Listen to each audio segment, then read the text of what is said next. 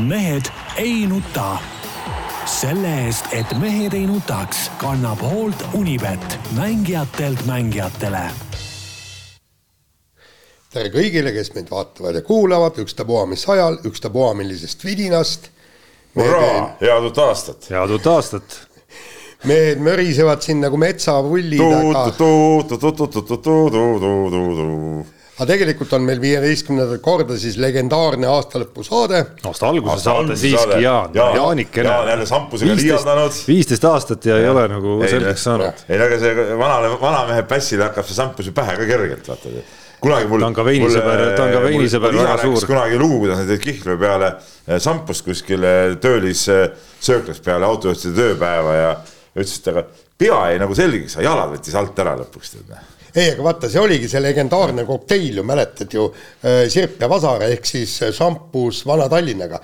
seda olen ma isegi. see isegi on tänapäeval täitsa levinud. aga, aga, aga ta oligi ju Sirp ja Vasar, et šampus lõi jalad alt ära ja Vana-Tallinn andis nagu haamriga otsa. kui nad šampus võtad, lööb lõpuks, kui piisavalt palju jood, lööb jalad alt ära, aga pea jääb selgeks no ma ei tea, kuidas vein suhestub, ma pakun, et vein. veini läks Jaanil ikkagi nagu tunduvalt rohkem kui šampanjat ei tea, kalamarjaga seal jälle kolmekümne esimese õhtul, kui see otsas muidugi ei olnud, siis lapselapsed tõid talle. supilusikaga ei ole saate aru, eks? ei, sinust ma usun seda jah, olles siin just vestelnud saate eel Äh, ahetanud Jaaniga kahekesi, mis uue auto Peep äh, on endale saanud, siis ütleme, kalamarja söömine no. nagu supi suust sisseajamine, noh, tundub, on on ikkagi igapäevane, kõik need jutud sellest, kõik need jutud sellest, et Eestis on treenerite elu kuidagi raske ja, ja mingi klubidel on, äh, klubidega on kuidagi kehvasti rahastus on kehv, sponsorid ei leia. noh, see, see on ilmselgelt, see on ilmselgelt on midagi jamps. ainult jõulude ajal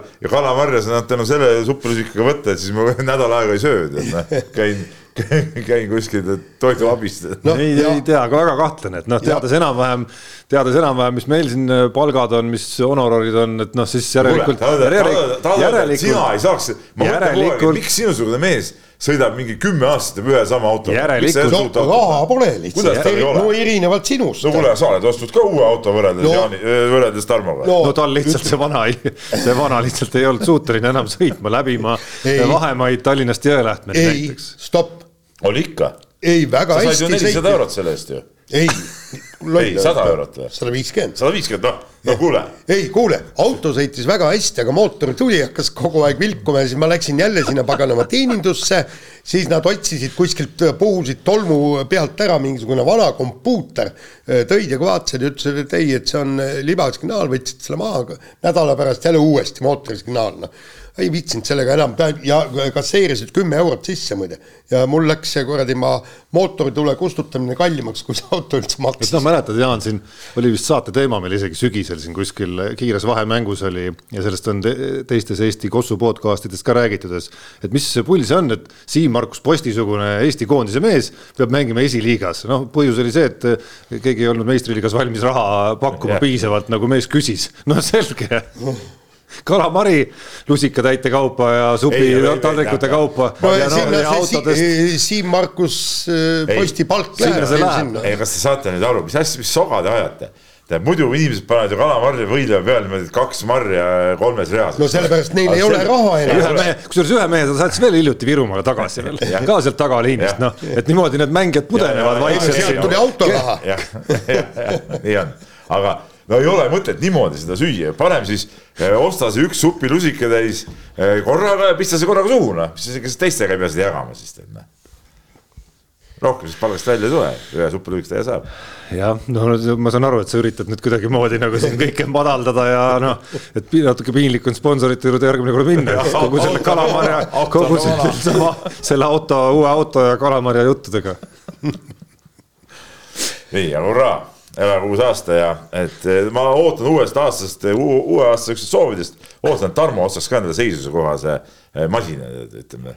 ütleme, ei saa ju olla sihuke tegev, Delfi, suure Delfi tegevtoimetaja sõidab mingi kakskümmend aastat vana äh,. saate käigus, saate käigus kümnest sai kakskümmend mis nagu on ajast ja arust täiesti. Noh.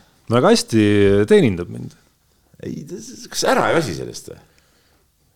Väga ei ole väsinud, ma naudin, ma pean tunnistama, et ma lihtsalt väga naudin seda, et mul iga kuu ei lähe äh, mingisugust liisingut mitte kuskile. täiesti raha või? täiesti rahulikult, no kui mul kui targemat teha ei ole, siis, siis hoian alles lihtsalt ja kogu lugu või käin puhkamas näiteks.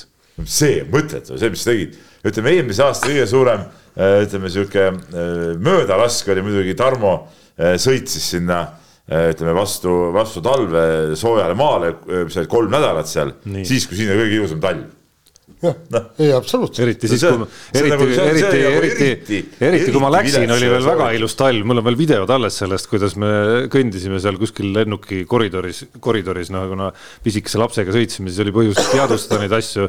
väga ilus ilm oli tõesti. oli? oli just, vihma sadas. kohe läks, nii kui sa läksid, kohe kõmm, kohe oli siin suusatad, et liugle, liugle, libe suusk, aida leida no näekuus. ja ütleme, kui tahta natuke nõustuda, siis see oli tõesti väike möödalask Äh, see kalendri mõttes just. Nagu kogu see, kogu see plaan, äh, nagu sa tead, äh, oli küpsenud päris kaua juba, oli mõeldud läbi niimoodi, et minna just sel ajal, et jõuda noh, minna seal kõige nõmedamal, sellel vihmasel kaks pluss kaks vihma ajal lörts. see ei, sulle ta meeldib, ma tean. ja eriti hea on, kui on nii äge auto, nagu sul on ja kalamari kogu aeg võtta ka veel külmkapist on ju. et minna täpselt. sel ajal ei ole, jõulude aeg ja uus aasta. ühesõnaga minna kalamari. ja tulla sellisel ajal, et kui tuled siis põhimõtteliselt just tuleb lumi maha. aga vot äh, ilma prognoosid põhimõtteliselt ei olnud liiga hästi paigas, peab järgmisel aastal targemaid nõuandjaid. aga miks sa sõber Ansule ei helistanud? no vot, tulebki järgmine aasta teha seda kuule, nad panid kõik ju oma ennustustega nii puusse, kui puusse, puusse saab panna. Nad ju kõik ennustasid, et, et noh, et soe kestab kuni ma ei tea, jaanuarikuuni ja, ja siis hakkab vaikselt lund kuskilt tulema, kui hakkab lugege neid ennustusi. nii, aga lähme nüüd asja kallale siis. Lähme asja kallale ja Tarmo kõigepealt tutvustab, et äh, meil on viieteistkümnes kord, mis need neliteist äh, eelmise aasta kõige tähtsamat sündmust, tähendab ühesõnaga, meie paneme siin paika, mis on. selge. Need kõik on detsembrikuu jooksul on kõik oma tabeleid avaldanud, oma pingeridasid vaaginud, arutanud saadetes, artiklites, igal pool mujal. aga esimene jaanuar on siis see hetk, kus äh, noh selgub siis, kuidas tegelikult, tegelikult eelmisel, eelmisel Eesti spordiaastal asjad olid. ja nagu Jaan ütles, viieteistkümnendat korda oleme me oma top kahekümne viie edetabeliga siis väljas esimesel jaanuaril. ja kui meenutada ajalugu, siis no millest muust see ikka pihta hakkas, kui kaks tuhat üks kui meie comeback leidis, vabandust, kaks tuhat üheksa, kui meie comeback Kuku raadio eetris leidis siis aset pärast algusaastate tele nii-öelda kuulsust no teles me nägime tead muidugi paremad välja, see selge. Noh. no tagantjärele vaadates, ise tunned ka või? ma tunnen küll, et ma täna näen ikka tunduvalt parem välja.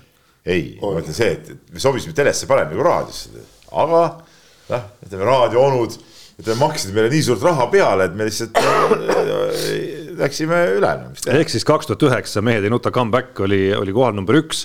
kaks tuhat kümme tuli ja võitis äh, korvpallikorüföö Tanel Tein oma vägeva lahkumisetendusega Tartu Kaarsilla peal. kes mäletab seda lugu, see mäletab, kes ei mäleta, minge guugeldage ja ja saate ka teada, mis Tanel Tein seal Kaarsilla peal kahe tuhande kümnendal aastal täpsemalt tegi, tänane riigikogulane ikkagi, lugupeetud. aga see on siis läbi aegade minu meelest vähemalt Eesti spordi lahkumine nii-öelda suurest spordist lahkumine kindlasti ja vaieldamatult ja ma tahaks näha, kes suudab Tanel Teini äh, kuidagi nii-öelda. ja see ei olnud otseselt lahkumismängu järel ju. ei, ei, muidugi ei olnud, aga noh. ei, aga üldse no,. samal aastal oli see. samal aastal. jah, jah Ja. nii, tuli aasta kaks tuhat üksteist, võitjas kahtlust ei olnud, aasta spordisündmus number üks oli Andrus Veerpalu dopinguskandaal. tuli aasta kaks tuhat kaksteist jälle ma midagi möhlasin siin äh, numbritega. Andres Sõber lõpetas Aivar Kuusma piinad, oli selline mälestusväärne ja no ma ei tea, meeleolukas on võib-olla vale sõna, aga ühesõnaga väga palju kirgi kütnud sündmus Eesti korvpallis. kaks tuhat kolmteist Eesti spordi süsteemne hävitamine, mis äh, sisaldas endas siis otsuseid äh, huvialaringide toetuste kohta ja, ja stipendiumite maksmise keelamise kohta. siis tuli aasta kaks tuhat neliteist ja ja Rägi püsis sama, ehk siis Eesti kollektiivne põrumine Sotši olümpiamängudel. siis algas Ott Tänaku ajastu kaks tuhat viisteist, Ott Tänak Mehhiko järves, kaks tuhat kuusteist tema tagasitulek MM-sarja ja kaks tuhat seitseteist tema läbimurre rallimaailma tippu. kaks tuhat kaheksateist jälle spordipoliitika, Team Estonia kõigest sümboolne käivitumine kaks tuhat üheksateist Seefeldi dopinguskandaal pürgis meie tabeli esimeseks, kaks tuhat kakskümmend tagasi ralli juures ehk et WRC ralli toimumine Eestimaa teedel. kaks tuhat kakskümmend üks oli olümpia-aasta ja Eesti EP naiste triumf olümpiamängudel ja eelmise aasta esikoha meie tabelis pälvis Kristjan Ilves oma karantiinihotellist olümpiamängudel välja ronimisega viimasel hetkel seal enda pildituks sõitmisega ja, ja ühtlasi ka kaheksandaks sõitmisega. No väga kõvad sündmused ja tegelikult ma ütlen, et, et, et kõik need muud telekanalid, raadiokanalid, ajalehed ja kõik, kõik võtsid oma nii-öelda pingerida mitte välja panna, see on lihtsalt puhas aja raiskamine, oodaku ära, meie saade on ju. ja siis. saavad teada, mis on tegelikult õige. mis on tegelikult Nii. õige, mis on vale. kuule, aga hakkame kohe nüüd hakkame panema, muidu siin aeg panema ja kusjuures ma muidugi äh, äh, praegust pingerida ja tegelikult ma olen ka vaata-, vaadanud neid kõige loetumaid artikleid ja kõik pingeridu ja kõik, ausalt öeldes on see spordiaasta kuidagi kahetsusväärne, sellepärast la, äh, päris sporti on paganama vähe. ütleme niisugust Äh, plusspoolel olevat sporti, medaleid, võite, värke, särke, kõik nii. ma vaatasin need kõige loetumad artiklid, ainult mingisugune surmad, mingisugune suksutamine, igasugused skandaalid ja, ja kõik muu, et ausalt öeldes ega, ega meie. kas sul on midagi suksutamise vastu või? ei, suksutamise vastu ei ole midagi aga, aga ütleme niimoodi, et, et ma parema meelega kirjutaks spordist ja kui me vaatame ka meie edetabelit, siis äh, ütleme niimoodi, et vähemalt kahekümne viiendal kohal on jutt käib enne kui sa, enne kui sa ütled selle välja, siis tõepoolest ma, kuna mul on eelmise aasta tabel ka veel täitsa, täitsa silme ees siin, siis noh, juba võrdlus sellega on sportlikus mõttes ikkagi üsna raju. et, et see meie top kakskümmend viis, mis siit tulema hakkab, siin sellist tõesti positiivset spordisaavutust on, on sellesse lõppenud aastasse väga vähe mahtunud. ja et, et on väga, kas äh, nii-öelda sportlike põrumiste äh, mingitel juhtudel või ka, või ka ikkagi puhtalt skandaalide ja väga negatiivse varjundiga sündmuste keskne. võrreldes näiteks eelmise aastaga Kristjan Ilves sõitis pildituks, Ott Tänaku triumf Soome rallil, Kelly Sildaru olümpiapronks ja siin on esiviisikus veel no näiteks Janek Õiglase, Janek Õiglase vigastusest tulek ja Euroopa meistrivõistluste pronks, nii et esiviisikust lausa neli sündmust olid puhtalt ikkagi nagu nii-öelda kõvad asjad spordiväljakul eestlaste poolt.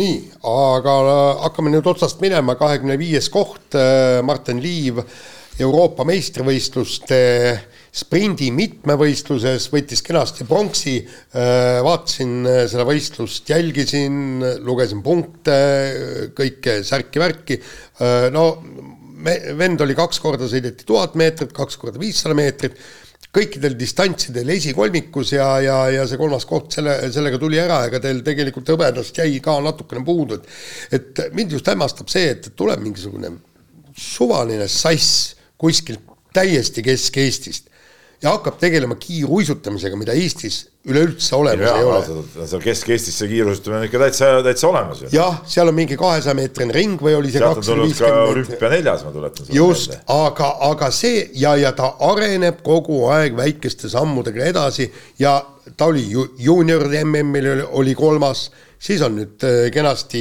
MM-il ja olümpial esikümnesse kenasti pääsenud, nüüd võitis medali et eh, noh, oleks müts peas, võtaks eh, Martin Liivi no ees ja, selle maha. viimastel aastatel ei ole tema saavutustel Eesti spordiga väga palju pistmist, sest et eh, teadupärast, mitte nagu halvas mõttes, et Martin Liiv midagi oleks valesti teinud, aga, aga Eesti sport on selline, et meil ju nagu sa ütled, nagu tipptasemel seda kiirusutamist ei ole ja kes tahab tipptasemel teha, nii nagu oli ka Saskia Alusalu enne teda, peab minema välja ja, ja olema seal väljas ja, ja, ja see on ju mitmel alal niimoodi läinud ja tegelikult see ei ole minu arust väga, väga hea perspektiiv, et, et need asjad aina rohkem sinna sinna suunda liiguvad. noh, teisalt ma ei kujutaks ette, kuidas kiiruisutamises teistmoodi saaks olla, et see on veel, see on veel, see on veel tehniliselt üsna nõudlik, äh, taristu mõttes väga nõudlik ala ka veel, et kas meil on mõtet nende üksikute kiiruisutajate pärast äh, hall päriselt, kiiruisuhall siin püsti panna, ma ei ole selles päris kindel. olla äh, üks kiiruisuhall ja, ja siit kasvaksid siis välja, võib-olla see oleks Eesti, Eesti uus Nokia nii-öelda kõlab kahtlaselt siiski. minu see rohkem, rohkem see kommentaar, mida võib-olla tahaks öelda, on, on võib-olla küsimus ja mõte selle kohta, kuidas on näha, et noh, nüüd on siis see raske koht Martin Liivil, et, et noh, nii-öelda mitte tiitlivõistluste medal, ametliku olümpiala medal, vaid selline teistmoodi medal on tal käes. Aga, aga nüüd, kuidas saada poodiumile siis, siis päris aladel, see on nüüd see väljakutse, mis nagu näha ei tule liiga lihtsalt jaa, aga sellel aastal on tal kaks suurepärast võimalust. ka MK-etappidel näiteks kasvõi. aga, aga ütleme niimoodi, et, et kiiruisutamine on selles mõttes äh, ääretult kahtlane äh, ala, et, et seal iga aasta ei ole ju kindlaid e MM need ja EM, eelmine aasta oligi ainult äh, sprendi ja mitmevõistluse EM ja, ja MM oli ka vist minu teada mitmevõistluse. ei, see oli päris aga nüüd on tal nii EM kui MM on üksikaladel nii et, et põhimõtteliselt tal on sisuliselt kaks võimalust saada see medal kaela. Ja, ja hoiame kõvasti pöidlaid. Ja läheme koha juurde number kakskümmend neli. Ja kohal number kakskümmend neli on meie edetabelis maandunud äh, ka sportlik sündmus. Ehk siis Nelli Differti Euroopa meistrivõistluste pronks, mis äh, noh, on ühest küljest siis tunnustus kahtlemata Nelli Differtile ja, ja, ja tema treenerile, aga teisest küljest äh, ei saa kuidagimoodi jätta mainimata ka, et tegemist oli siis lõpuks Eesti ainsa olümpiaalade suurvõistluste medaliga kahe tuhande kahekümne kolmandal aastal. no jaa, et selles suhtes Differt äh, väga kõva, et ikka üli, ülima visadusega ta selle medali suunas ikkagi läks ja, ja, ja toimetas ja, ja, ja tõesti koos äh, Helen Nelis Naukasega nad, nad on seda seda tööd teinud ja, ja lõpuks kes kannatab, see lõpuks midagi saab ka, noh, nii on. ja, ja tegelikult noh, nagu ma siin ühes kommentaaris ka eelmise aasta lõpus äh, kirjutasin, et see vehklemine on selles mõttes hämmastav ala, et kõik need, kes, kes on Eesti tipus, on ka nüüd nüüd ka siis nii-öelda tiitlimedali võitjad, no, no öelge mulle üks ala, kes me, meil on kõik Beljajeva, Kirpu, Emrich, Lehis, Tihvert, Kuusk, kuus tükki, kuus meie vehklejat on võitnud individuaalseid tiitlimedaleid. näidake mulle üks, ükspuha milline muu ala. noh, kümnevõistlus on muide teine, kus no okei okay,, nii palju ei ole, aga seal on, võidetakse ka, kui me võtame väiksemad medalid ka, meil tuleb siin ka juttu. Neid on ka hästi palju aga, aga, aga siis ongi, meil on isegi nii-öelda suured alad, võtame noh, ma ei tea, ujumine, suusatamine, mis iganes, eks. ja praegu ongi niimoodi, et, et noh, et kui äärmisel juhul keegi ühe medali kuskilt võtab, eks ju. see on kõik. aga noh, seesama fakt, et, et see oli ainus tiitlivõistluste nii-öelda olümpiaalade medal kaks tuhat kakskümmend kolm, eks see annab äh, suunaga kaks tuhat kahekümne nelja minnes ja olümpiale mõeldes päris palju mõtteainet. ja, ja kusjuures seesama Nelli Tippert, eks tema ka ei ole veel olümpial, Eesti EP naiskond, üle-eelmise aasta olümpiavõitjad, ei ole ka olümpial et eh, vot see, see on nüüd, ma ei tea, kas siin, ma ei ole see kõik... näitab, kõik see näitab minu arust natuke selle ala juhuslikkust ka ikkagi, tegelikult vehklemises on väga palju ikkagi niisugust, kuna seal on, eks ole, päris palju, suur ring on neid, kes võivad eh, midagi saada, siis, siis ja, ja alati teidub ka mingisugused mustad hobused, kes veel kusagilt tulevad juurde. mitmendal kohal neli tihvet maailma edetabelis parimal hetkel oli. ei, ta on olnud, äh, viimati oli ta kas nüüd kaheteistkümnes või üheteistkümnes no,, ta on esikümne. ikkagi selles kohas, kus ei saa öelda, et, et nagu liiga juhuslik oleks tema medal olnud. medal on juhus, ma räägin üleüldse sellest, et ei ole neid olümpiakohti, olümpiavõitjatel ja sellest, ma räägin sellest, et see näitab, et see alal on seda juhuslikkust ikkagi väga palju nagu. no ütleme niimoodi, et, et tegelikult sa pead ikkagi olema hea, et pressida ennast kõikidest nendest teistest vehklejatest mööda, kes ka võivad olla nii-öelda juhuslikud tegijad. ei, aga kõva. nii, aga läheme edasi kohale kakskümmend kolm ja, ja tuleb korvpall ja siuksed juba nagu negatiivse varjundiga sündmused ka. Rakvere korvpall siis kadus meistriliiga kaardilt.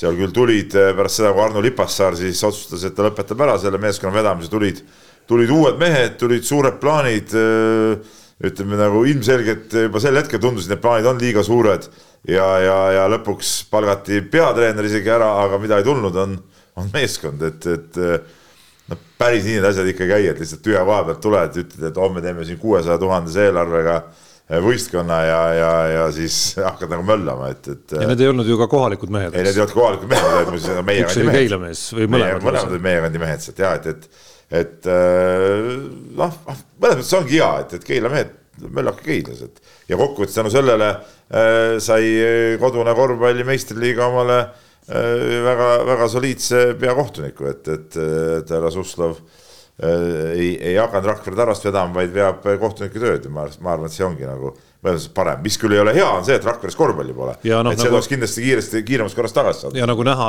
esiliiga mängude pealt, siis, siis äh, konkreetselt selles regioonis nii huvi kui ka noh, potentsiaal tegelikult on olemas selleks, et seal sünniks ütleme siis nagu loogilistel alustel äh, võistkond, et mitte ei pea võõrad mehed minema sinna tühja keha peale siis mingisugust äh, eelarvet kokku panema ja mingisugust meeskonda kokku klopsima, vaid, vaid sünnibki see noh, näiteks siis sellesama Reinar Alliku korvpallikooli pealt, noh, suvaline näide, Kadrina Karud on teine, teine kõva tegija siis seal ja, ja noh, sadu pealtvaatajaid näeme me esiliiga väljakutel äh, mängudel isegi koha peal, nii et, nii et ma tahaks loota, et see on aja küsimus, kus kus me näeme seda paika ja piirkonda kaardile tagasi tulemas. seda, seda on tervel Eesti korvpallile tarvis tegelikult, et eh, muidu on praegu niimoodi, et kogu see korvpall on koondunud eh, Tallinnasse, noh, siis on veel Pärnu, Rapla, Tartu, eks ole, ja ongi, ongi kõik ju tegelikult, noh, ütleme Keila, Viimsi on ikkagi Tallinna ümbruses, ma mõtlen, noh, sihuke Harjumaa.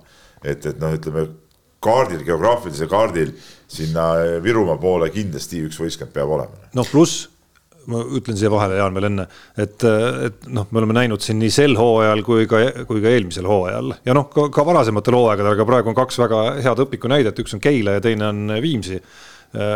et, et noh, mis on see nii-öelda baas, mida sul on siis vaja selleks, sa ei pea tulema oma kuuesaja tuhande euro lubadusega välja ja hakkama seal noh, tühja koha pealt midagi ehitama, eks, et sul on baasiks olemas siis see, et sul enda piirkonnast enda õpilasi on, ütleme selline hulk, kes noh, ütleme pool satsi saad enam-vähem siis oma, oma õpilastega kokku sellest satsist ja siis teise poole ehitad sinna veel nagu juurde.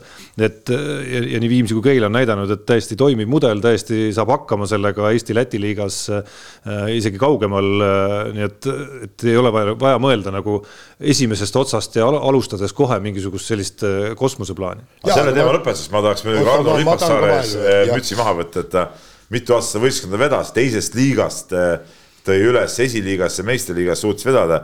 mul on kahju, et ta nagu, et ta nagu püssi põõsasse viskas, et, et, tegelikult ma saan muidugi aru ka, ma ise näen seda, et see ei ole nagu lihtne, lihtne asi, mis seal teha, aga, aga, aga, aga ma arvan, et, et võib-olla oleks ikka Arno pidanud ise sinna asja juurde jääma, aga võib-olla siis oleks ikkagi see asi kuidagi edasi ka läinud. ja, aga ma tahtsin lõpetuseks öelda, et meil võib olla kogukond, kõik on väga tore, eks.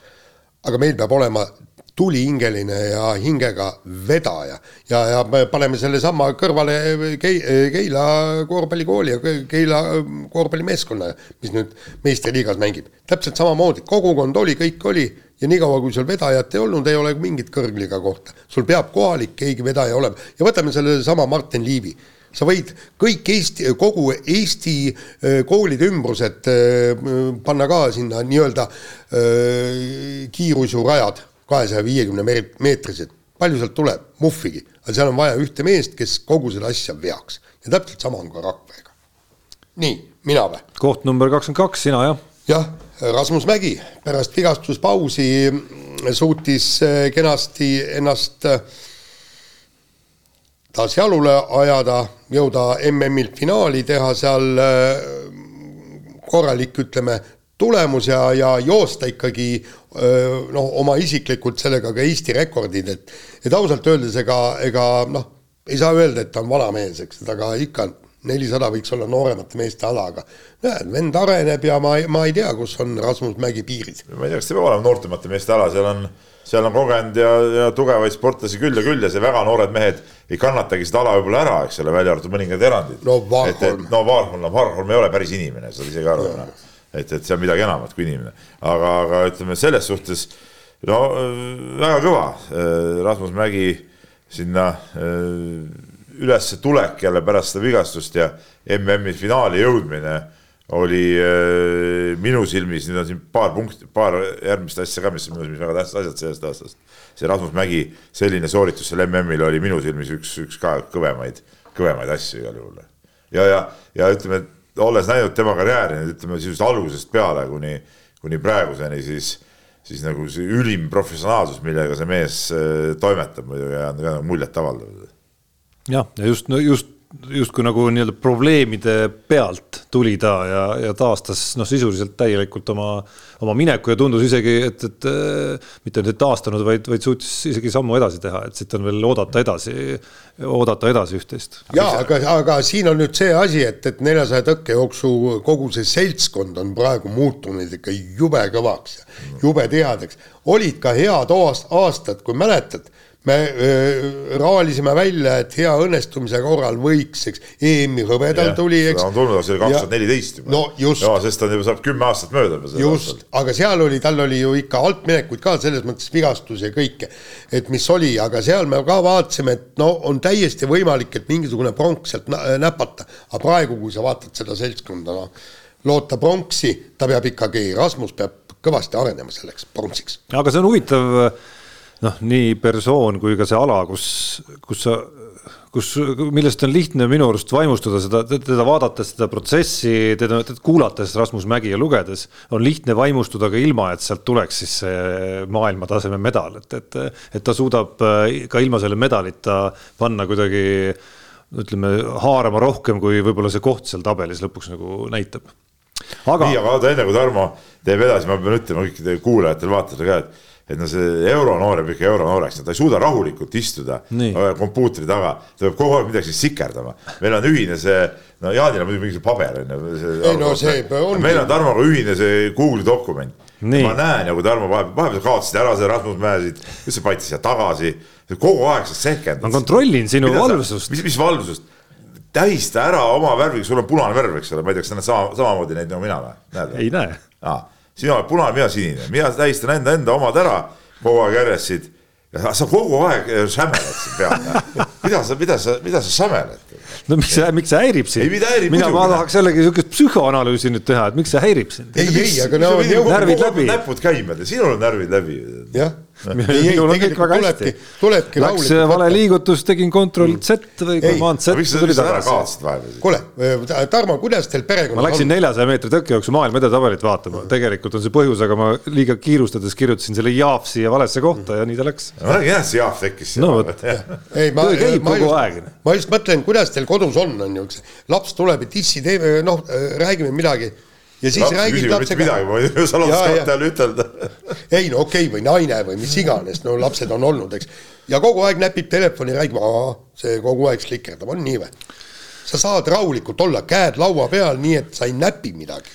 kindlasti mitte võib-olla nii palju, kui proua Paju sooviks, ütleme siis niimoodi nojah. aga see. ei, ega ma ise ka. aga eks mul on, eks mul on oma, eks mul on oma komprat, komprat ka koguneb vastu aeg-ajalt, nii et ei ole see telefoni näppimine nüüd sugugi nii ühesuunaline. telefoni näppides kogu aeg vaja mingeid uudiseid vaadata ja kogu aeg mingid mängud käivad. no tegelikult ju ei ole, on ju vaja. ei no kuule, samal ajal käib mingi kolm-neli mängu Euroliiga, Eesti mingi värk, statsid lahti, kogu aeg pead vaatama, mis toimub ah.. no tegelikult ju ei pea kogu aeg. sa pole üldse sama kommenteerimas enam käid, käid sa või kommenteerimas? täna õhtul näiteks. täna õhtul, täna siis läheb täna ma ei vaata no ära vaata.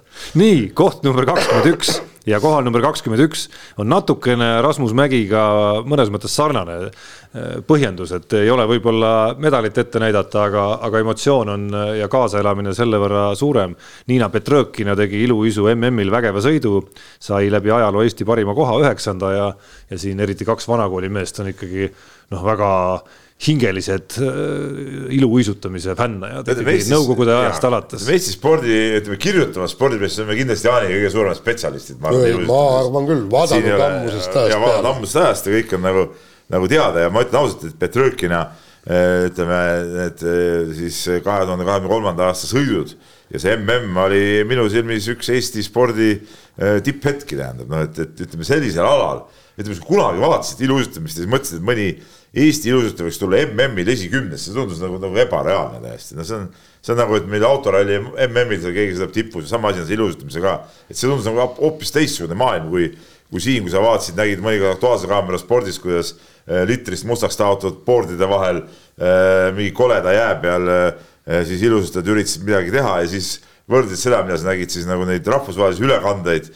see oli nagu teine maailm, aga nüüd, nüüd on Eestist eh, sirgunud ikkagi, ikkagi selline tüdruk, kes tõesti esi, esikümnesse MM-il sõitis ja see, see on ikka, ikka vägev, vägev asi. ja kusjuures ma ei taha teiste kohta midagi halba ega midagi öelda, aga tegelikult, mis mind kõige rohkem vaimustab, on just see, et, et see Nina Petrõkina nii-öelda iluuisutajalikkus või tähendab see, et, et kui ta sõidab, sa saad aru, et, et ta kuulub just sinna täpselt jääle kogu oma olekuga, kogu oma artistlikkusega, särtsakusega, kõikide nende hüpetega ja kõik, et see, see on, see on täpselt see, mida sa näed maailma tippudel, ehk siis temal on omadused olemas. kas ta kuhu, kunagi, kui kaugele jõuab, seda ei oska öelda, aga tal on just täpselt, tal ei ole mingit noh, konti kõhus nii-öelda ja, ja sa näed ära, et, et üks on loodud iluuisutamise jaoks, kõik teise, noh, teised võib-olla mitte nii väga nii.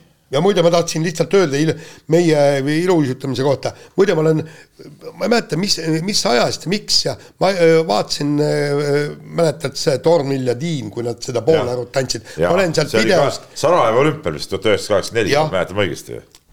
vaata, või oli kaugele kaheksakümmend kaheksa, emba-kumba aga Tarmo siis veel ütleme, mõnda no, sõna oskasid või? Calgaryt ma ikka jälgisin juba väga hoolega, Sarajevo olümpiat, äh, selle raamatu olen ma lugenud lapsepõlves kapsaks muidugi.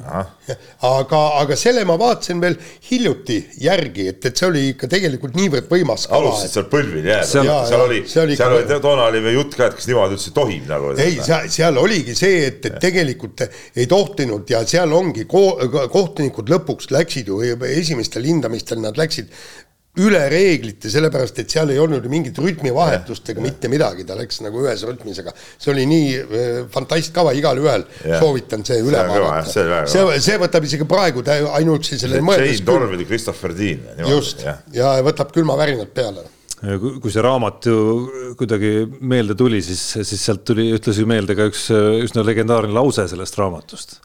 tõesti, tõesti, see on Marja-Liisa mäletate?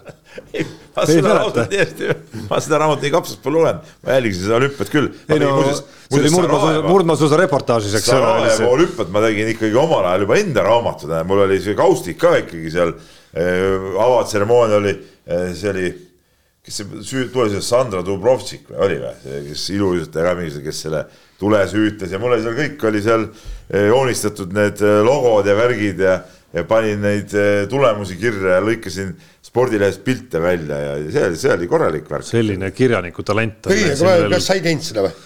Temal oli juba internet, et peaaegu olemas. ei no internetini läks aega, minu, mul on legendaarsed äh, kümmekond kaustikut, kus, kus. see oli kaustik. mis on täis kleebitud äh, kõiki sportlaste pilte, mis õnnestus kuskilt kätte saada, enamasti spordilehest ja kuskilt mujalt ka.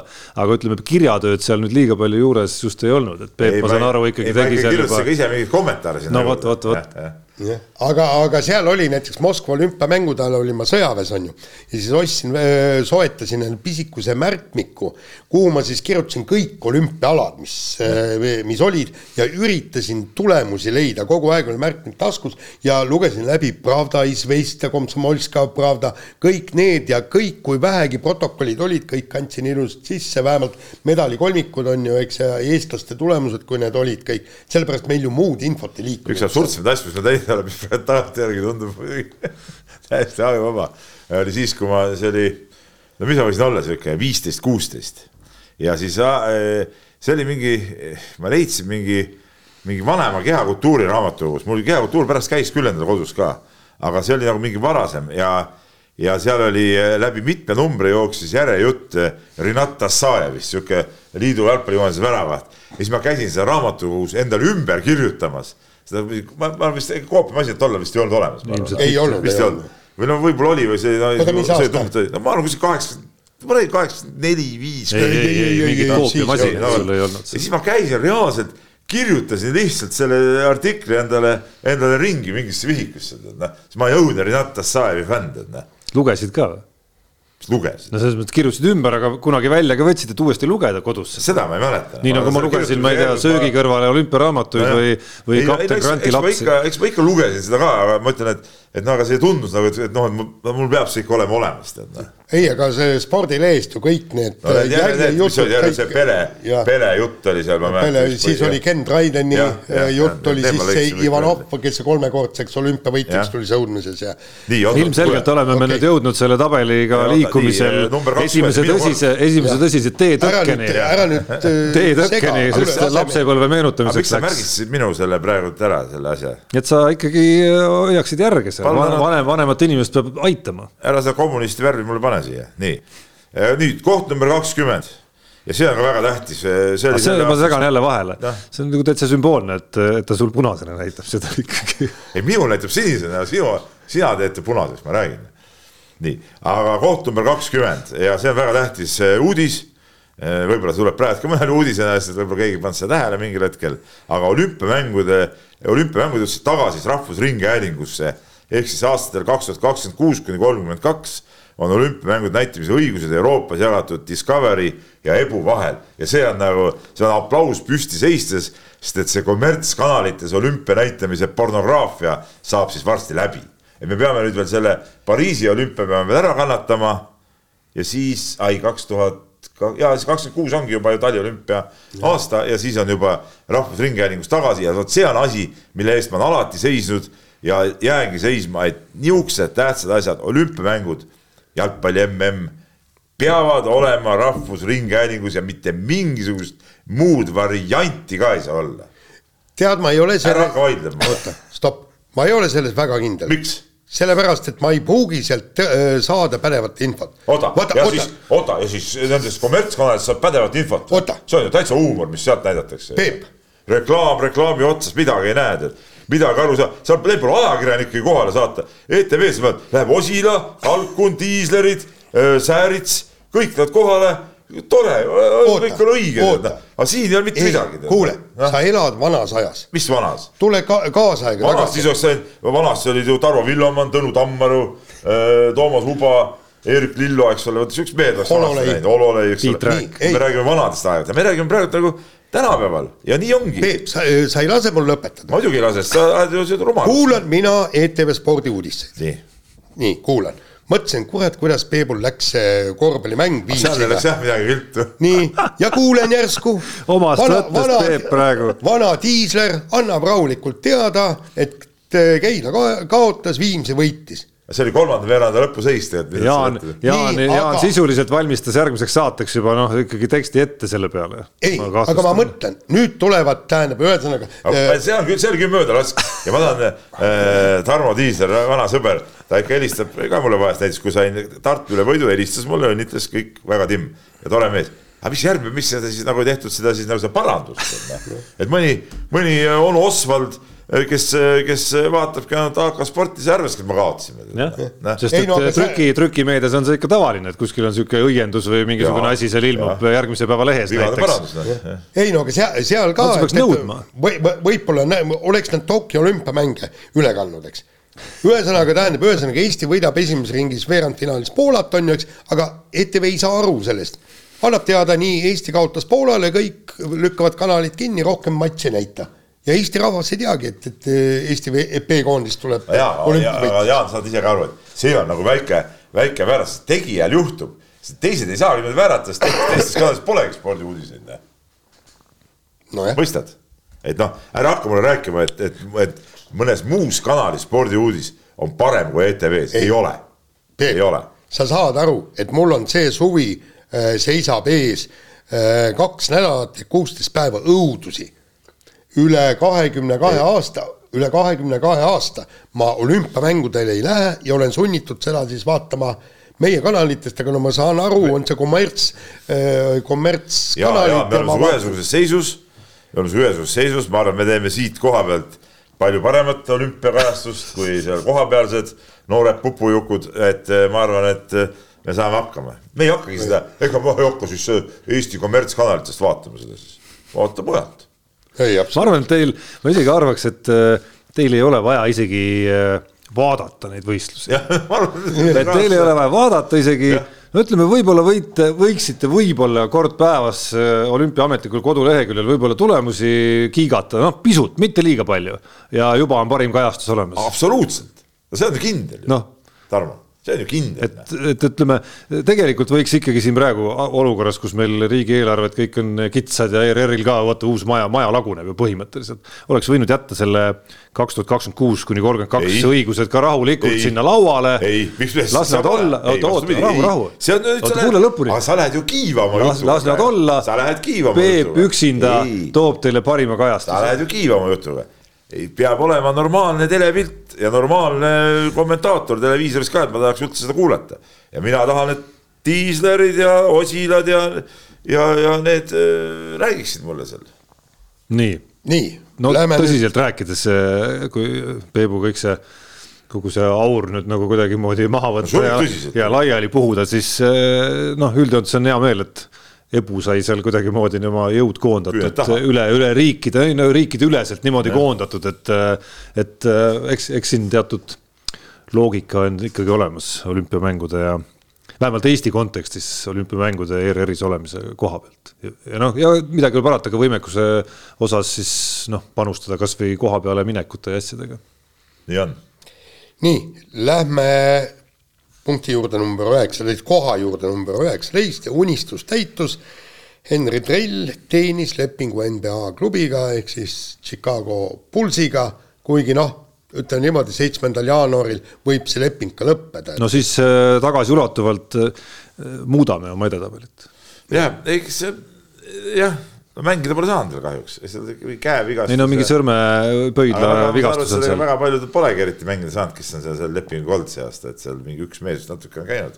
aga, aga ei no kõva asi noh, kuigi ma ei oska nagu, ma ei oska seisukohta võtta, saaks ta sinna platsile ka, siis oleks nagu see asi nagu tehtud. ei, aga mis, mis mulle meeldib, et vaat ma olen kogu aeg noh vähekene irisenud selle kallal, et noh, et no mis ta jamab seal mingi G-liigas ja noh me teame G-punkt, G-liiga, igast niisugused asjad no mis te naerate? nii, et tulgu e-, e-, Euroopasse mängu, korralikku mängu, aga, aga mitte mingis noh, noorteliigas. ja aga, aga vend kuidagi jäärapäiselt, jäärapäiselt ja ainult nagu seal kuskil artiklis ka öeldi, et on üldse kaks inimest, kes uskus sellesse, üks oli tema, ei mäleta, kes oli, teine oli vist ta treener, kunagine noortetreener.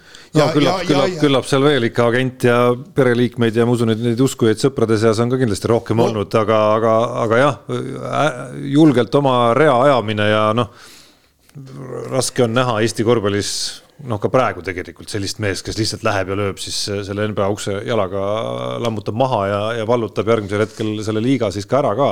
et noh, ainus tee vähemalt ütleme siis praeguste Eesti koondislaste või, või peatsete koondislaste puhul NBA uks lahti murda on just niimoodi, nagu Henri Trell seda seal praegu siis kangutab, et et saada alustuseks pilti, saada, ma ei tea, suveliigasse, hooajaeelsesse rosterisse seesama kahesuunaline nii-öelda leping ja, ja niimoodi need sammud seal käivad, et nüüd, nüüd lihtsalt on siit vaja siis nagu järgmist sammu edasi teha ja, ja kas, kas see õnnestub, no ma ei kujuta ette, seal on nagu juhuseid nii palju, mis mis hakkavad määrama seda, kas ja milline võimalus tal üldse tekib seal konkreetselt Chicago Bullsis sel hooajal järgmiste nädalate jooksul, siis kuidas ta seda ära kasutab, mis asjaolud seal veel kõik mängima hakkavad, seal äh, koosseisu muudatused, mis iganes seal Chicago Bullsis võivad ees oodata, noh. ma arvan, siin on, siin on nii palju ettearvamatut ja nii palju juhuses kinni. kui sa just ei ole Vembanyama või ma ei tea, Novitski või, või, või sealt edasi minnes kuskilt, kuskilt seal ree peal. Vembanyama oli ka nagu üle push itud nagu natuke. no ma just, soomlased ju kirjutasid pika artikli, kõik seal olid videod, kuidas Lauri Markkanen selle poisikese puhtalt üle mängis ja noh. no eks see poisike on ka, mis ta on, üheksateist või? kaheksateist, üheksateist. jah, et, et tegemist on ikkagi uskumatult noore poisikesega oh, ka veel, et, et oodata, et ta täna oleks. aga see laul oli nagu suurem, kui praegu see algus on olnud no ei tea, päris äge mängumees ikkagi, et, et see, kuidas selle pikkuse juures osata selliseid äh, osk-, omada, omada selliseid oskusi, nagu tal on ja ka olla füüsiliselt puh, puh, sellises, kuidas öelda, konditsioonis ja, ja ma olen pisut lugenud, kuidas see konditsiooni hoidmine ja arendamine seal käib, sellise pikkuse juures on oht ikkagi väga lihtsalt ka katki minna seal meestega mängides. et see, see on päris äge lugu, mida jälgida. nii aga koht number kaheksateist ja kohal number kaheksateist äh, spordi negatiivsem pool ehk siis Kelly Sildaru ristati side jälle puru ja noh, võib vist lisada küll siia lause jupi, et karjääri jätkumine sellel tasemel, kus ta on olnud, raske on öelda, et see nüüd garanteeritud oleks. vot see on üks äh, segane, segane asi, et ega sealt äh, Sildaru tiimist ka selget signaali ei tule tegelikult, et mis, mis nad seal nüüd teevad või mis seis on või. Hea sõber Madis Kalvet ikka aeg-ajalt midagi üritab sealt välja pigistada, aga, aga no ma tahaks ikka loota, et äkki ikka päris läbi ei ole. ma ei tea, kuidas teile tundub. kuigi, kuigi oht on ikka päris suur muidugi tähendab, me jällegi, millest me räägime, karjääri võib ju jätkuda, ta võib ju võistelda, kõik saab oma kaheksandaid, üheksandaid kohti. ei no seda ta kindlasti viitsi teha, kui ta näeb ära, et ta, et ta nagu päris eh, kohtade peale, nii-öelda tippkohtade peale ei võistle. Ma ei usu, et ta siis viitsib seal jamada no,. ma usun, et see, ma usun, et see poodiumi piiril olemine ei tundu keeruline, isegi kui ta tuleb ja ei ole, on takti võrra maha jäänud, ikkagi see ala, see ala ei ole vahepeal kuskile arenenud mingite tohutute sammudega edasi. vot ega ei oska öelda. seda tulemusi vaadates kasvõi. mis tulemusi? punktisummasid kasvõi. punktisummad ei saa suuremaks minna ju sada no, punkti ei, muidugi. ei, ei, no muidugi ei saa ja, aga sa enam-vähem tajud ära selle konkurentsi tiheduse. kas seal jagatakse, kas seal jagatakse medalid ära kuskil üheksakümne, kaheksakümne viie kandis või kuskil seitsmekümne juures ka juba pildis?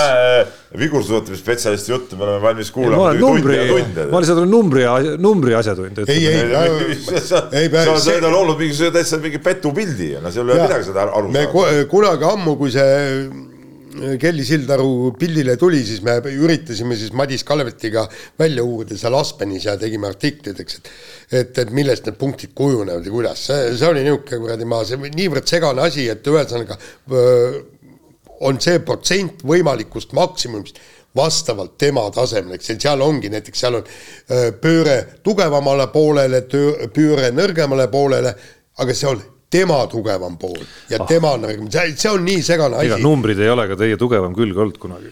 oota, kuule, sa, sa, sa saad aru, seleta meile siis, seleta meile siis, kuidas need hinded tulevad siis, noh. miks, kuidas tekib kaheksakümmend seitse koma kaks, aga mitte kaheksakümmend seitse koma kaheksa? no selleks on eraldi saadet vaja ikkagi sa ei tea, sa saad midagi sellest asjast.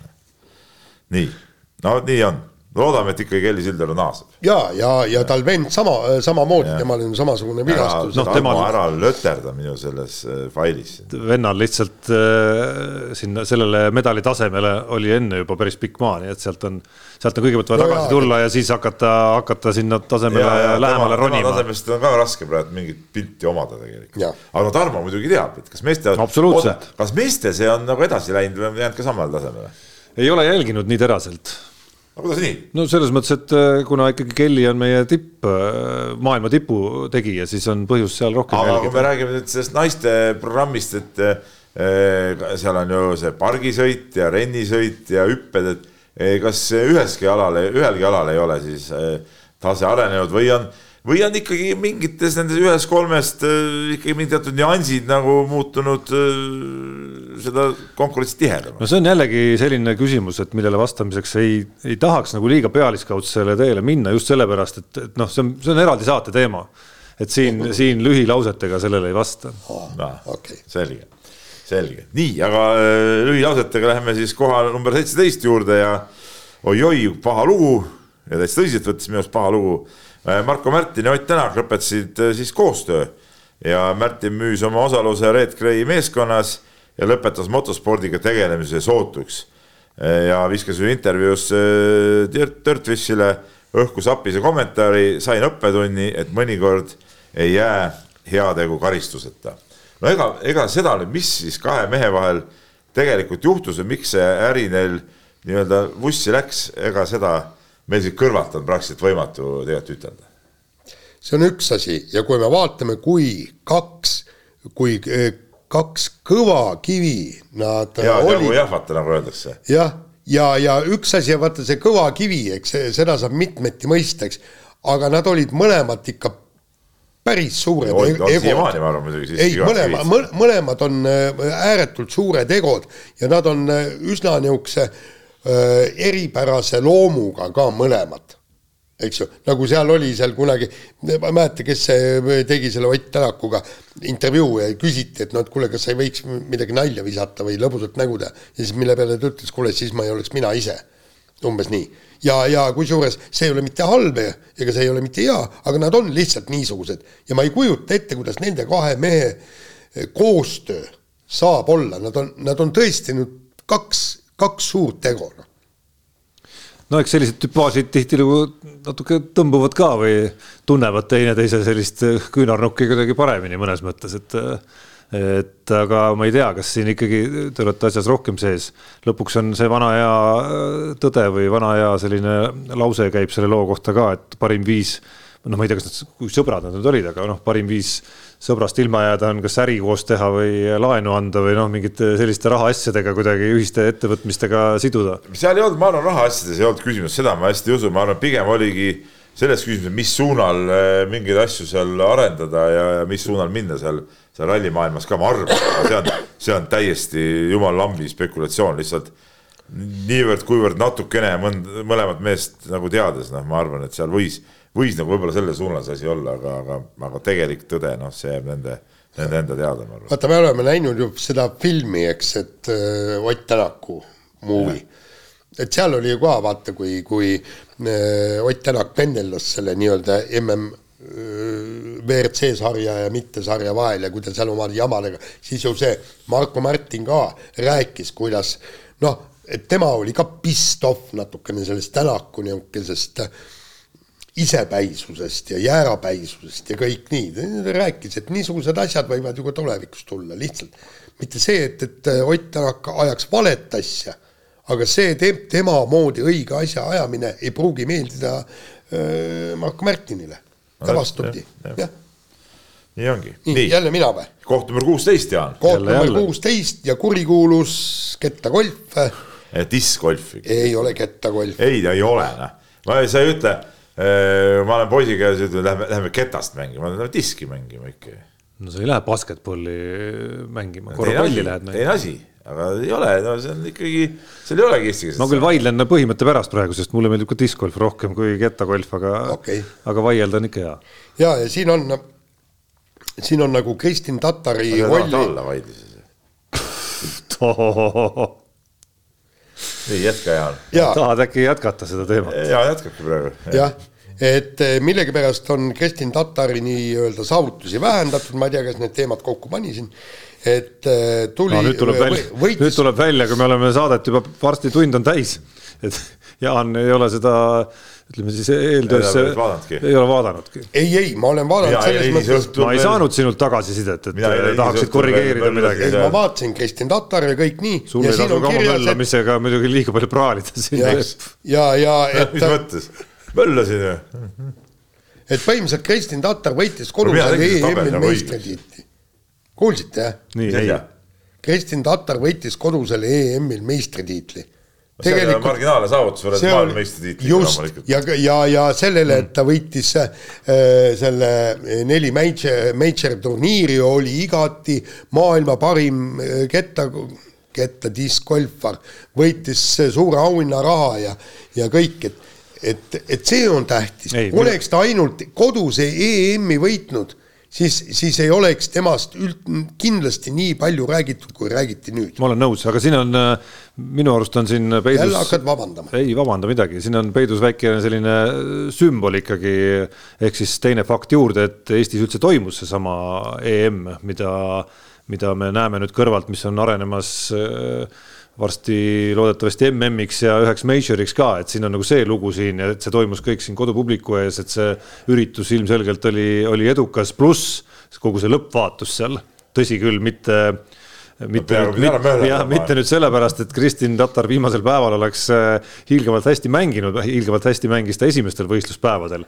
aga, aga lõpuks ka see lõpplahendus sai ikkagi väga dramaatiline ja, ja emotsioonide rohke ja lõpuks ka pisarate rohke, et, et võib-olla see, see on see koht, kus see Kristin Tatari üliedukas aasta pakkus võib-olla kõige vägevam emotsiooni lihtsalt Eesti väga rohkearvulisele diskgolfi kogukonnale. ja aga tead, mis mind, mind tegelikult selle EM-i juures ma jälgisin seda kõike, et mind, kui sa telekast vaatad, siis mind ikka häiris see, et mina olen aru saanud, et diskgolf on ikkagi mõeldud kuhugi nii-öelda metsarajale, pargirajale, kus on puud, kus on koridorid neid oli ka, eks aga seesama la, äh, lagepind, kus on nii-öelda murule tõmmatud mingit värvi jooned või ringid, et vot sinna ei tohi ketast, et vot seal on nagu takistus.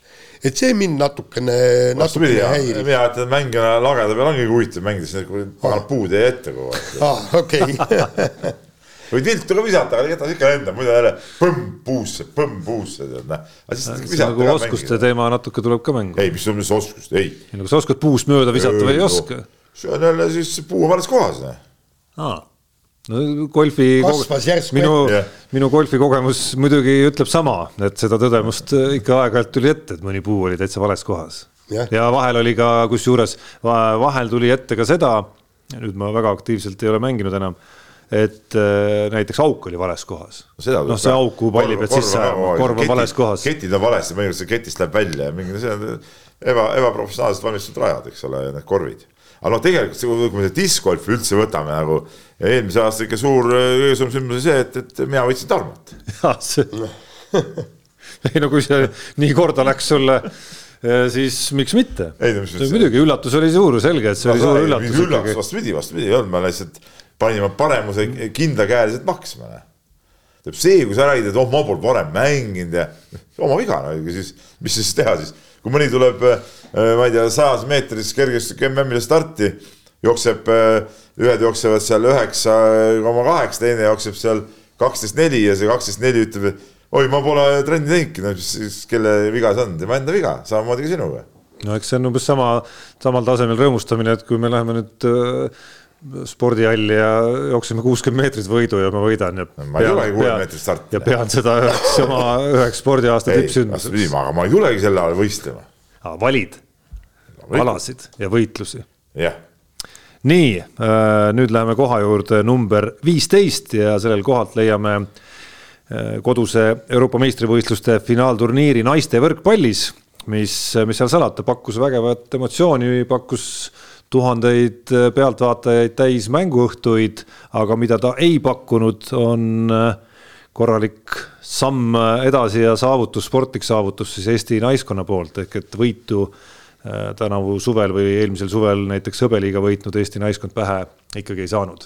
no see ongi selline mitme otsaga asi, et, et, et kuidas üks, üks üritus ja, ja mäng ja mängud, ütleme võivad minna korda ka siis, kui edu ei saavutata, noh, see tegelikult näitas ju selgelt ära, eks ole, no okei okay,, seal oli see varasem, see hõbeliiga võidu, see eduelamus oli juba all ja ütleme, see tõstiski selle võib-olla selle, selle koduse EM-turniiri ka nagu nii, võib-olla hoopis teise valgusesse.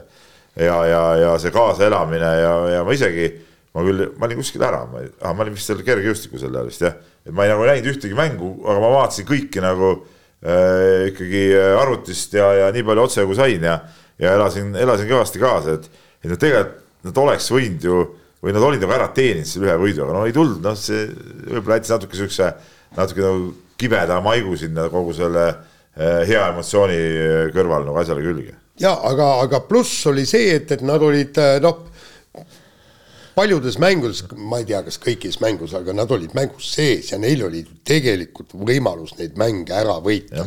ja, ja, ja, ja ja siis ongi ju see, see, see loobki sul selle emotsiooni, et äkki nüüd tuleb ära, kas nüüd või midagi niimoodi.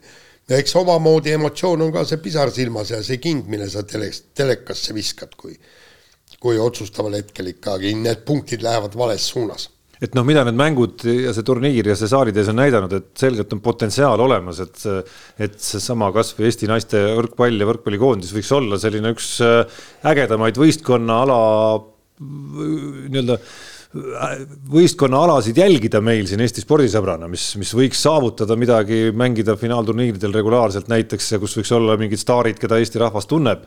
noh, midagi sarnast võib-olla nagu kunagi oli Läti korvpallinaiskond näiteks aga samas praktilised arengud siin kõrval taustal alles eelmises saates me rääkisime, ei, ei toeta seda, et tundub, et, et ka see, mida me oleme siin saavutanud, on olnud selline pisut forsseeritud, kus peatreener on aidanud äh, ja, ja, ja natuke tõuganud võib-olla tagant ka seal mingeid naisi, et nad mängiksid selle koduse finaalturniiri eelse hooaja välismaal. nüüd on paljud neist tagasi tulnud ja vot nii edasi, nii edasi, nii edasi, et, et selle pealt on raske näha, et, et see sisuline sportlik areng ja see järgmine samm sealt tuleks ikkagi. kuigi, kuigi kuigi väga tahaks. aga, aga see näitab. väga atraktiivne ala ikkagi. aga see tegelikult näitabki, et äh, kõigepealt peab olema püramiid.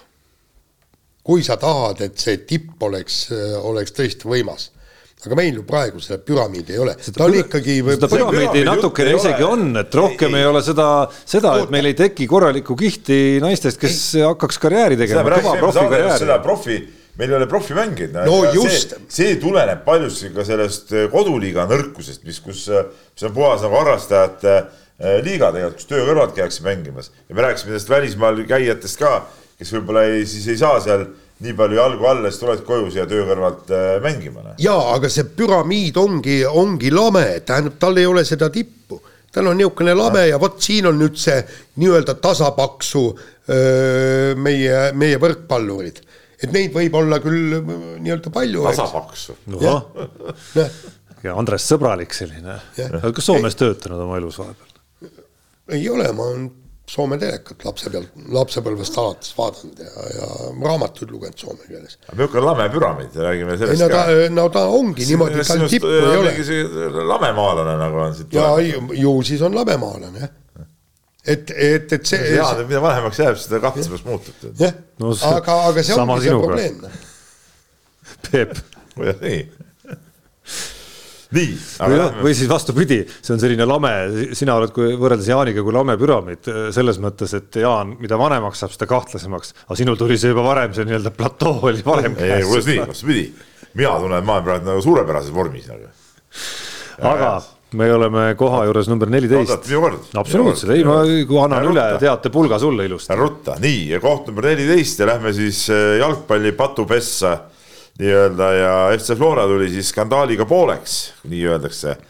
kuna videokohtunikud ei tundnud jalgpallireegleid, Eesti jalgpalli tšempioniks, seal siis äh, patuga pooleks siis või skandaaliga pooleks äh, siis seetõttu, et äh, Levadia Pärnu mängus jäädi Levadia, jäeti Levadiale üks äh, värav äh, lugemata, seal, seal vaadati neid asju valesti ja, ja võeti ära. vaadati õigesti, aga reegleid ei teatud. reegleid ei teatud jah, jah ja võeti värav ära, värav ära vist oli niimoodi. no, no võetakse see värav ära, löö siis järgmine no, või ülejärgmine. see on muidugi õigus, et noh, kuule hooaja jooksul üldse üks mäng on välja toodud, kuule hooaja jooksul teevad need kohtunikud kümme kaera vähemalt, näe, mis kümme, kolmkümmend kaera, see on nagu loogiline, noh.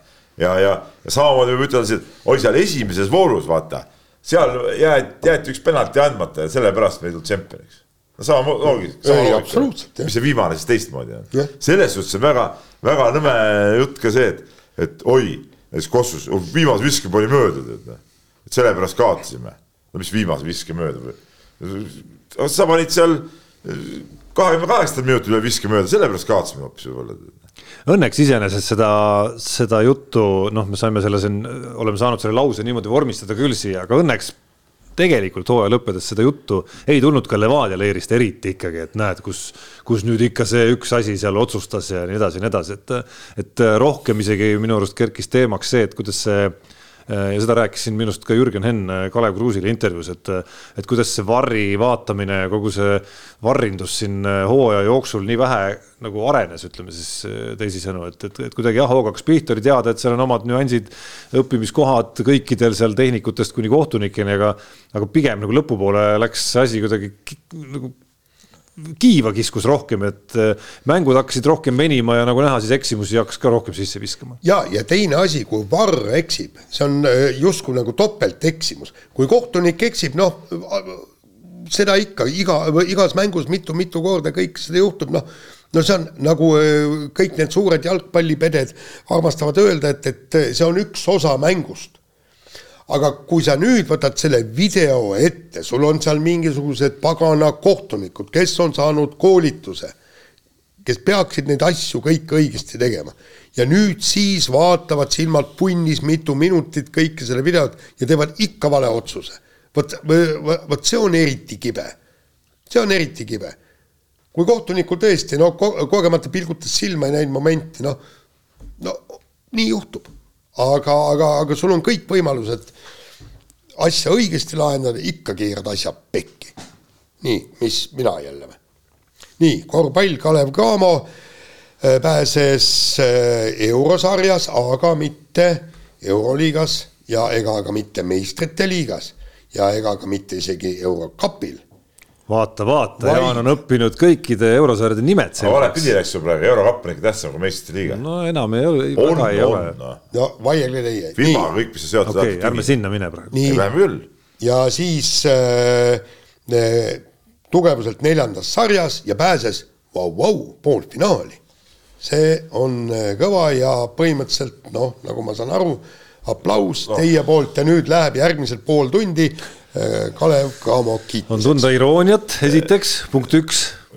jah, võib-olla ka natuke sihuke jah, on küll noh, võib-olla ka isegi õigustatud natuke. ütleme niimoodi, et, et mina mäletan aegu, ma ei tea, teie vist ei mäleta, te olete liiga noored, kui seesama Kalev ilma Cramoto toona oli, mängis Euroliigat. muidugi mäletan, mis, mis mäletan. ja kõikide nende staaride vastu ja, ja siis. mõned võidud sai kätte. just, ja siis me ei äh, karjunud mööda tänavaid, et hurraa, hurraa, kui kõvad. jah, aga, aga, aga ma nüüd... mäletan, mina mäletan ka aega, mäletan ka Euroliiga aega, aga mäletan ka sellele järgnenud aegu, kui oli selline moodustis nagu klubide koondis Kalev kes mängis ka eurosarja, mängis seal koosseisudes, kus Martin Müürsepp, Tiit Sokud olid kohal isegi, mängis ka mitte Äh, kõige kõvemat Euroopa sarja, vaid teist-kolmandat sarja. ja näiteks play-off'i ei jõudnud minu arust, minu mäletamist mööda ühelgi hooajal äh, kõikidel nendel aastatel, ei, ei ühe korra Ursa Toopasele ja okei okay,. üks mäng jäi viiki. ja täpselt ja, ja siis kordusmängu Kalev Allis kaotasid, kusjuures ma isegi mäletan, et ma jõudsin sinna kohale poole mängu pealt, vaevu mahtusin sisse Kalev Alli, tõepoolest. et äh, see, mis, milles Kalev Cramo selle euroteekonna põhiline võlu minu jaoks oli, oli see, et me oleme kogu aeg unistanud, üks, et ükskõik mis võistkonna alal tekiks nagu, et vaata, meil on Žalgiris, lätlastel on hoki et nagu midagigi tekiks sellist, mis toob täis äh, ükskõik, kas ta on siis äh, Unibet Arena Saku Suurhall või, või Tondiraba hall, kõik on enam-vähem ühes mõõdus või mõlemad on ühes mõõdus. et, et midagigi sellist ja korvpalli puhul me oleme justkui oodanud seda loomulikult kõige rohkem ja kõige pikisilmi, et see, et see juhtuks ja üks klubi tekiks, mis areneks kuidagi siis sellele tee peale ja see oli minu arust selline väike noh väike, väikese nagu keeleotsaga sai nagu väikese maitse siis suhu. et äkki me, äkki siit midagi sellist võiks hakata arenema, aga edasine elu on muidugi näidanud, et, et, et, et eelarvet, eelarve ei kasvanud selle pealt. noh, sealt kohe esimene krahh tuli kohe pärast sedasama poolfinaali, eks, kus jäädi kinni sinna kuskile Prantsusmaa streigi sisse ja siis äh, läks lörri kogu, kogu see kohalik Eesti-Läti liiga finaalturniir ja nii edasi ja nii edasi. aga, aga, aga noh, faktiks jääb see, et seda noh, enda ületamist ehk siis selgelt endast tugevamate eelarvetega tugevate liigade klubide võitmist ei võta ka keegi Kalev Cramolt ära. ei, absoluutselt, see kõik on õige ja, ja. ja see oli eneseületus, see oli tubli töö meeskonnalt peatreeneri Heiko Rannulaga eesotsas. ja, ja see kõik oli õige ja, ja nii täpselt oligi ja, ja see, see poolfinaalmäng, see oli, see oli, ütleme koduse korvpallihooaja ka sihuke tipphetk tegelikult, mis seal, mis seal ähm, siis noh, mis, mis areena see nüüd on siis? Tondiraba. Tondiraba jah, eh, Tondirabas eh, toimus ja, ja ütleme, korvpalli sinna viimine oli ka päris sihuke see oli nagu hädalahendus, aga see oli päris hea lahendus. ja kusjuures see on see nagu. sobis nagu väga hästi ja see, see kõik oli. see on pisut teerajaja ka olnud, sest suvel oli koondis seal veel. no te olete varem ka seal mängitud, mäletate? ja ei no sellest on päris palju aega ja, möödas ja, ja nüüd okei okay,, see nüüd see uus mäng aasta alguses Prometheiga Kalev Cramol tuleb, tuleb Unibet Arenale, aga hooaja avamäng, Kanguri lahkumismäng oli ka Tondirabal, et, et tegelikult meenutas või rajas see selles mõttes natuke teed, et päris tore hall korvpalli vaatamiseks iseenesest. see just, et on ümberringi nagu ja, ja, ja publik on niimoodi mõnusalt, mõnusalt kuidagi koos seal, aga, aga mis ma tahan ütelda, on see, et, et jah, see kõik oli nagu vägev ja see emotsioon oli vägev ja, ja me peamegi aru saama, et see ongi nagu meie, meie tasemele vastav, ütleme selles sarjas äh, üritada seda, seda läbilööki. aga äh, kui sa siin tõid võrdluseks Salgerise äh, või, või Lätis hokikoondise, kes MM-pronks, noh jumal, siin pole midagi rääkidagi, noh, ütleme, me oleme sellest ikka kõigest sellest me valgusaasta kaugusel no,. no ei saa, ei saa selle, ütleme eelarve. ja, ja ma ei saa sellest aru, miks see nii on, miks nii on, et kuidas Leedus leitakse see Salgerise jaoks raha, kuidas Lätis leitakse võimalused okit niimoodi arendada, et saavad panna äh, sihukese koondise kokku, mis tuleb MM-il pronksile, noh.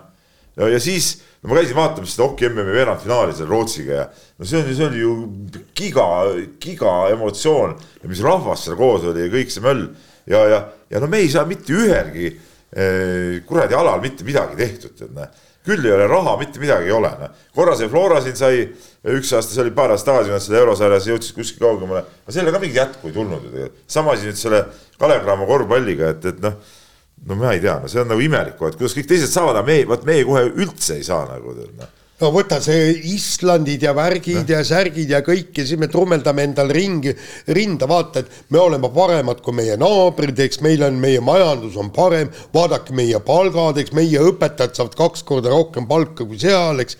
kõik, kõik on meil parem. ainult see, et, et, et, et me saaksime natukenegi toetada mõnda spordivõistkonda või spordiala, ei, seda ei ole, aga muidu me oleme maailma parimad. nii ei ole minu kord. koht number kaksteist, samal ajal kui laskesuusakoondises ajab üks tüli teist taga, on äh, oma tiimiga harjutav ja oma tiimi kokku pannud koos Indrek Tobrelutsuga Tuuli Toomingas. Saamas äh, siin aasta lõpus, nagu oli näha, üha kiiremaks, aasta alguses nägime ka MM-i kuuendat kohta, selge taseme parandus on äh, toimunud ja, ja selge, et vähemalt selles leeris näidakse, et tehakse head tööd ja, ja seda näitas nüüd see, ütleme detsember siin ka, et, et, et saadi väga häid kohti, noh. ütleme, see on nagu huvitav, huvitav lugu, et see Dobrelutsu ja Toominga, ütleme, see tandemina nagu töötab see asi ikkagi väga, väga hästi, et Dobreluts on natuke teistsugune treener, tal on natuke teistsugused võib-olla töövõtted kui, kui ütleme, sellised tavalised treenerid, nad teevad teistsuguseid asju, küll need jooksuvõistlustel käimised, küll mingis hooaja ettevalmistuse alguses mingid metsa istutamised, kus siis tehakse tööd ja korjatakse raha veel, veel samal ajal ja, ja, ja kõik siuksed asjad. Ja, ja, ja tulemused tulevad, noh, et, et ma nagu ootan teilt seda aega, et kui võib-olla noh, Dobrovts oli Eesti koondise peatreener ja siis seal lõpuks mingite tülidega pidi ka, pidi ka ära, ära minema ja, ja ei tahetud teda, on osade sportlaste poolt, et see aeg nüüd saaks nagu ümber ja kui need igast äh, külalistreenerite äh, siuksed etendused siin läbi saavad, äh, siis, siis Dobreluts ikkagi saaks võib-olla, võib-olla seda koondist tervikuna oma nägemuse järgi proovida tippu viia. ja noh, mis mulle muljet avaldas, oli see, et, et ma käisin selles kergejõustiku Tallinna GP-l, kui nad mõlemad jooksid miili ja ja, ja läks, läksin seal, noh, sain nendega juttu ajada, tegin paar intervjuud ja kõik nii ja mis mulle eriti meeldis, kuivõrd entusiastlikult, laheda meelega, mõlemal on naeratus näol, kõik nii, isegi see, et, et kui talvest rääkida, ütlevad ei noh, kõik siiamaani lähevad jumalast hästi ja noh, käisime siin tead selle paganama la, rullsuusa laskmise MM-il ja kõik, nüüd tulime siia jooksma ja kõik ja nad on, nad tunduvad, et, et nad kuidagi naudivad kõike seda tööd, et Tuuli naudib, seda, et treener teda piitsutab, treener naudib seda, kuidas õpilane tööd teeb ja on omadega rahul, et neil kuidagimoodi see toimub, see on täielik klapp. No.. ja, ja oota, ma räägin kiirelt, et teine asi oli see, ma tegin eelmise aasta lõpus nagu alati tegime Eesti Päevalehes tegin ennustused, täielik fopaa, ühesõnaga ma ei tea, ma kas kümnest ennustusest üheksa panin mööda ja üks oli, no poole meene läks pihta. Ja kumb on kõvemad, kas murdmaasuusatajad MM-il või laskesuusatajad ja mina panin siis muidugi murdmaasuusatajad paremaks, seepärast ma mõtlesin, et nad mingisuguse kahekümne, ma ei tea, viienda koha ikka kätte saavad. ja siis nii-öelda ajaloost on ju laskesuusatajad kogu aeg MM-il põrunud. ja nüüd voilaa, me ei räägi siin mingist kümnendast, üheteistkümnendast, viieteistkümnendast kohast. Kõmm, kuues koht. see on järjekordne näide sellest, kus Jaan Martinson ei tunne siis sporti. ja sina teadsid ette ilmselt. aga noh kuna sina tegid selle ennustuse, siis nii on. jah.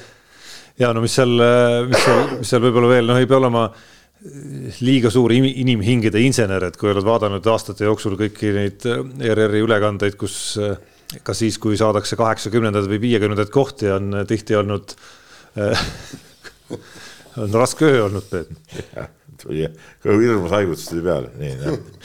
et. panin käe küll suu ette, ei näinud seda. et vaadates äh, kõiki neid intervjuusid ja kuulates äh, aru saada, et, et noh, Tuuli Toomingas on võib-olla üle keskmise emotsionaalne inimene ja, ja sportlane ja, ja ma arvan, et see kõige suurem võti selles arengus võib olla just see, et koostöös Indrek Dobralutsuga noh, inimestena klapitakse sellisel moel, et, et, et Indrek oskab siis noh, toime tulla ja, ja, ja, ja noh, kindlasti need ajad, kus seal toimusid need lahkuminekud sealt koondisest ja olid seal sisetülisid ja, ja mul on tunne, et ega need ka Tuuli Toomingale hästi ei mõjunud need kindlasti, et noh, sealt on ronitud ju välja ja saadud, saadud mingisugune hoopis uus hingamine ka emotsionaalses mõttes kätte endale ja, ja mis ma veel oleks tahtnud öelda, siin on ikka tohutu potentsiaal olukorras, kus siin Anett Kontaveidid on lahkunud ja, ja on medaleid me eelmisel hooajal või eelmisel aastal siis saime ühe olümpiaalade pealt kokku, et äh, see, mida ERR on teinud siin ajal, kus olümpiatest jäädi ilma ja eelarvet oli natukene rohkem ja mindi siis ja jäädi siin ka tali ja erinevatest asjadest ilma vahepeal ja ja siis mindi seda laskesuusa asja ajama nii-öelda ja, ja laskesuusa ülekandeid tegema, mis isegi enne, kui siin eestlased keegi kuskil kuuendaks jõudsid, olid ju väga populaarsed. noh, hästi on tehtud seda, mis siin salata, väga hästi on kogu seda asja siin diislerid, vennad diislerid nii-öelda siis, siis ju pilti toonud igaks juhuks ütleme. kas vennad või isa ja poeg või kuidas keegi soovib. et ja, ja nüüd ja jah, ja nüüd mõeldes, kui palju on seal neid võimalusi, kui palju on seda lotolikkust, et, et kui sa tõesti, kui ta suudabki kehtestada ennast enam-vähem kümnenda suusaajaga sõitjana seal, siis, siis on igal suusanädalavahetusel, pluss siis mm loomulikult, on õhus äh, üks, üks selline spektaakel, kus täkkesse mineku korral on, on võimalik poodiumile tõusta, sõltuvalt, kuidas teised ka seal kõrval teevad, et see, see on tohutu sellise nagu noh, heas mõttes Eesti spordisõbra nii-öelda meelelahutamise potentsiaaliga. ja nii on, ei väga vägev, väga vägev, nii, aga jääme talispordi juurde, koht number üksteist ehk siis esimesena esikümnest väljas. Eh, Kristjan Ilvese läbimurr maailma kahevõistluse esikuuikusse, eh, poodiumikohad kevadistel MK-etappidel MM-i neljas koht ja uue hooaja stabiilsus, no selles, selles ma siin natuke, see on nüüd Tarmo lisandus siia, et ma selle uue hooaja stabiilsusega päris nõus ei ole, et siin mõned nüüd on MK-sarja viies või kuues. ütleme, ta on ikkagi selle hooaja alguses on olnud ikka kehvem, kui nagu me ootasime, jah ja. me ootasime, ma ei tea, mida ta ise ootas, aga. ei, aga tegelikult no jällegi me, me, me ootasime sellelt hooajalt eelmise hooaja lõpu jätku. Ehk siis esi, esikolmik kohti. jah, ju just täpselt. aga neid pole tulnud. ei ole tulnud ja samas jälle, kui me vaatame, kuidas eelmine hooaeg algas, siis ta algas oluliselt kehvemini, kui, kui on ja. praegune hooaeg. et, et aga, aga, aga see, et, et ka vaikselt tööd tehes ja kõik, Kristjan Ilves on jõudnud sinnamaale, et see medal on tõesti reaalne mitte, mitte mingil juhul kindel ega mitte midagi, aga ta on võimalik, et pigem ütleme niimoodi ja vägagi võimalik ja viimased intervjuud, kus kohas see Kristjan Ilves, kus ta, kus ta rääkis oma eelmist auajast ja ütles ikka üks öö, tegelikult kaks ööd ei maganud, et ta kogu aeg mõtles sellele, kus ta tegi selle vea, kui ta neljandaks jäi. ja, ja, ja põhimõtteliselt tal oleks enda arvates olnud võimalus võtta see pronks. kusjuures oligi jah, et me oleme rääkinud ka sellest, et seal omajagu peab natuke klappima neid, et mismoodi need grupid seal rajal lõpuks moodustuvad ja kellega ta kokku satub sõitma, et et, et ideaalvariant on kuskil noh, näiteks mingi Lamparteri-suguse mehega satub sõitma seal teistelt natukene eest ära, oletame, et Riiber on pikalt ees, nemad teine-kolmas ja, ja siis on tal selline tempotegija, kes tänu kellele ei pääsegi siis ports ülejäänud ohtlikke sõitjaid sinna, sinna juurde, et ja see, ja see konkreetne mälestusväärne sõit, kui seda ühte Rettenegerit seal olnud ei ole, ma ei tea, kas ta tegi seda meelega või mitte Äh, jäi seal kakerdama ikkagi väga selgelt ja võttis ta loo maha, siis jah, oligi võimalus, natuke meenus see Allar Levandi neljandaks jäämine kunagi kahe austerlase vastu. jah, see oli. üheksakümmend üks, Valdi Femme. Valdi Femme jah, nii oli jah samamoodi, no seal, seal oli veel olukord, kus me teame, Allar Levand oli ju kõva sõitja, eks ole, ja siis eh, Offner Sulzenbacher oli see tandem, mis ja. seal, kes olid kõvad hüppajad, aga mitte nii kõvad sõitjad. aga näed, lõpuga tegid, tegid Levandil ära nii, aga nii. nüüd eh, paneme trummid põrisema, sest esikümme hakkab tulema. puupasulat. tuut-tuut ja trummid põrisevad. nii. nii, täpselt, et kuna on eh, kümnes koht, siis loomulikult peavad olema kümnevõistlejad ja nii ta ongi, Eesti kolm kümnevõistlejat tänavusel MM-il, kolm isiklikku rekordit, kolm olümpianormi alistamist või ületamist, kumbat pidi võtta ja noh, Karel Tilga neljas koht, Jalek Õiglane kuues koht oli vist jah ja.? et, et, et kõvad, kõvad tulemused, aga jällegi, no see kirss tordile ei puudu, see medal, aga no seekord ütleme, olgem ausad, Tilga, see medali äh, saamata jäädmine, see oli ikkagi tingitud ka selle erakordselt kõrgetasemelist võistlusest, et selle tulemusega oleks igal MM-il medali saanud. no just. et, et ja seekord nüüd ei saanud, noh, et, et ma ei, seda nagu raske, raske on ütelda, et Tilga kuidagi ma ei tea, ebaõnnestus või, või et see oli kuidagi nagu jama, et ta medalit ei saanud, see oli oma olemuselt jama, et medalit ei saanud, aga tegelikult ta tegi ju supervõistluse, isiklik rekord, võimas parandus sihukeses konkurentsis medalimängus sees, kõik, kõik jutud, et, et no ma olin sel võistlusel kohal ka ja, ja ma ütlen, see, see oli jälle üks vägev värk sellest aastast. aga noh, aga noh, raske on ka ennustada, et olümpiamängudel saaks see medali hind kuidagimoodi odavam olema, et seda ei tea ette loomulikult, mis, mis tingimused seal täpselt on nendel päevadel ja ja mis vormis keegi konkreetselt on, kui terve keegi on, mis on kümnevõistluse puhul veel eraldi üks suur küsimärk alati ja kes seal äpardub konkreetselt või mitte, aga vaadates praegu nendele nimedele peale, noh, raske on uskuda, et see kuidagimoodi langema peaks, see konkurentsitihedus seal et selles mõttes tuleb kogu sellel seltskonnal ikkagi oma taset äh, tõsta. no kindlasti, kindlasti ja seal on ju veel äh, küsimus üldse, kes olümpiale saavad, et meil on ikka nagu neli. no mina usun, et nagu neli reaalset kandidaati, kes, äh, kes saavad, et need ülejäänud ikkagi päris sellele tasemele ilmselt ei küündi. aga Maicel Uibo kindlasti seda kolmikut äh, läheb, läheb kimbutama, üritab olümpiale pääseda, et, et noh, temal on MM-i medal olemas, eks ole, et, et tal medali võitmise kogemus on tagataskust võtta, et et ei, see oleks, see oleks väga, väga äge, kui veel selle peale läheks ka rebimiseks, noh, tegelikult. noh, tahaks loota, et see kuskil siin kevade algul, sa tead paremini, mille järgi see lõpuks paika pannakse, lihtsalt edetabeli tulemuse järgi? ei no see on, kuna neil on normid täidetud, siis ongi see küsimus, kes minu teada, kes siis nagu parema tulemuse, kui nüüd Uibo teeb kellestki üle, siis see tõuseb nagu ettepoole. et äh, esimene asi, mida näha tahaks, oleks, et juuni alguseks oleks olümpiale pääsu piir nihutatud juba kuskile noh, ma ei tea, helesinine unistus võiks olla kaheksa tuhande kuuesajaga algava sumbri juurde, aga noh, okei okay,, oleks kaheksa viiega juba, siis see, see juba tähendaks, et on, on seda, seda tähist nihutatud.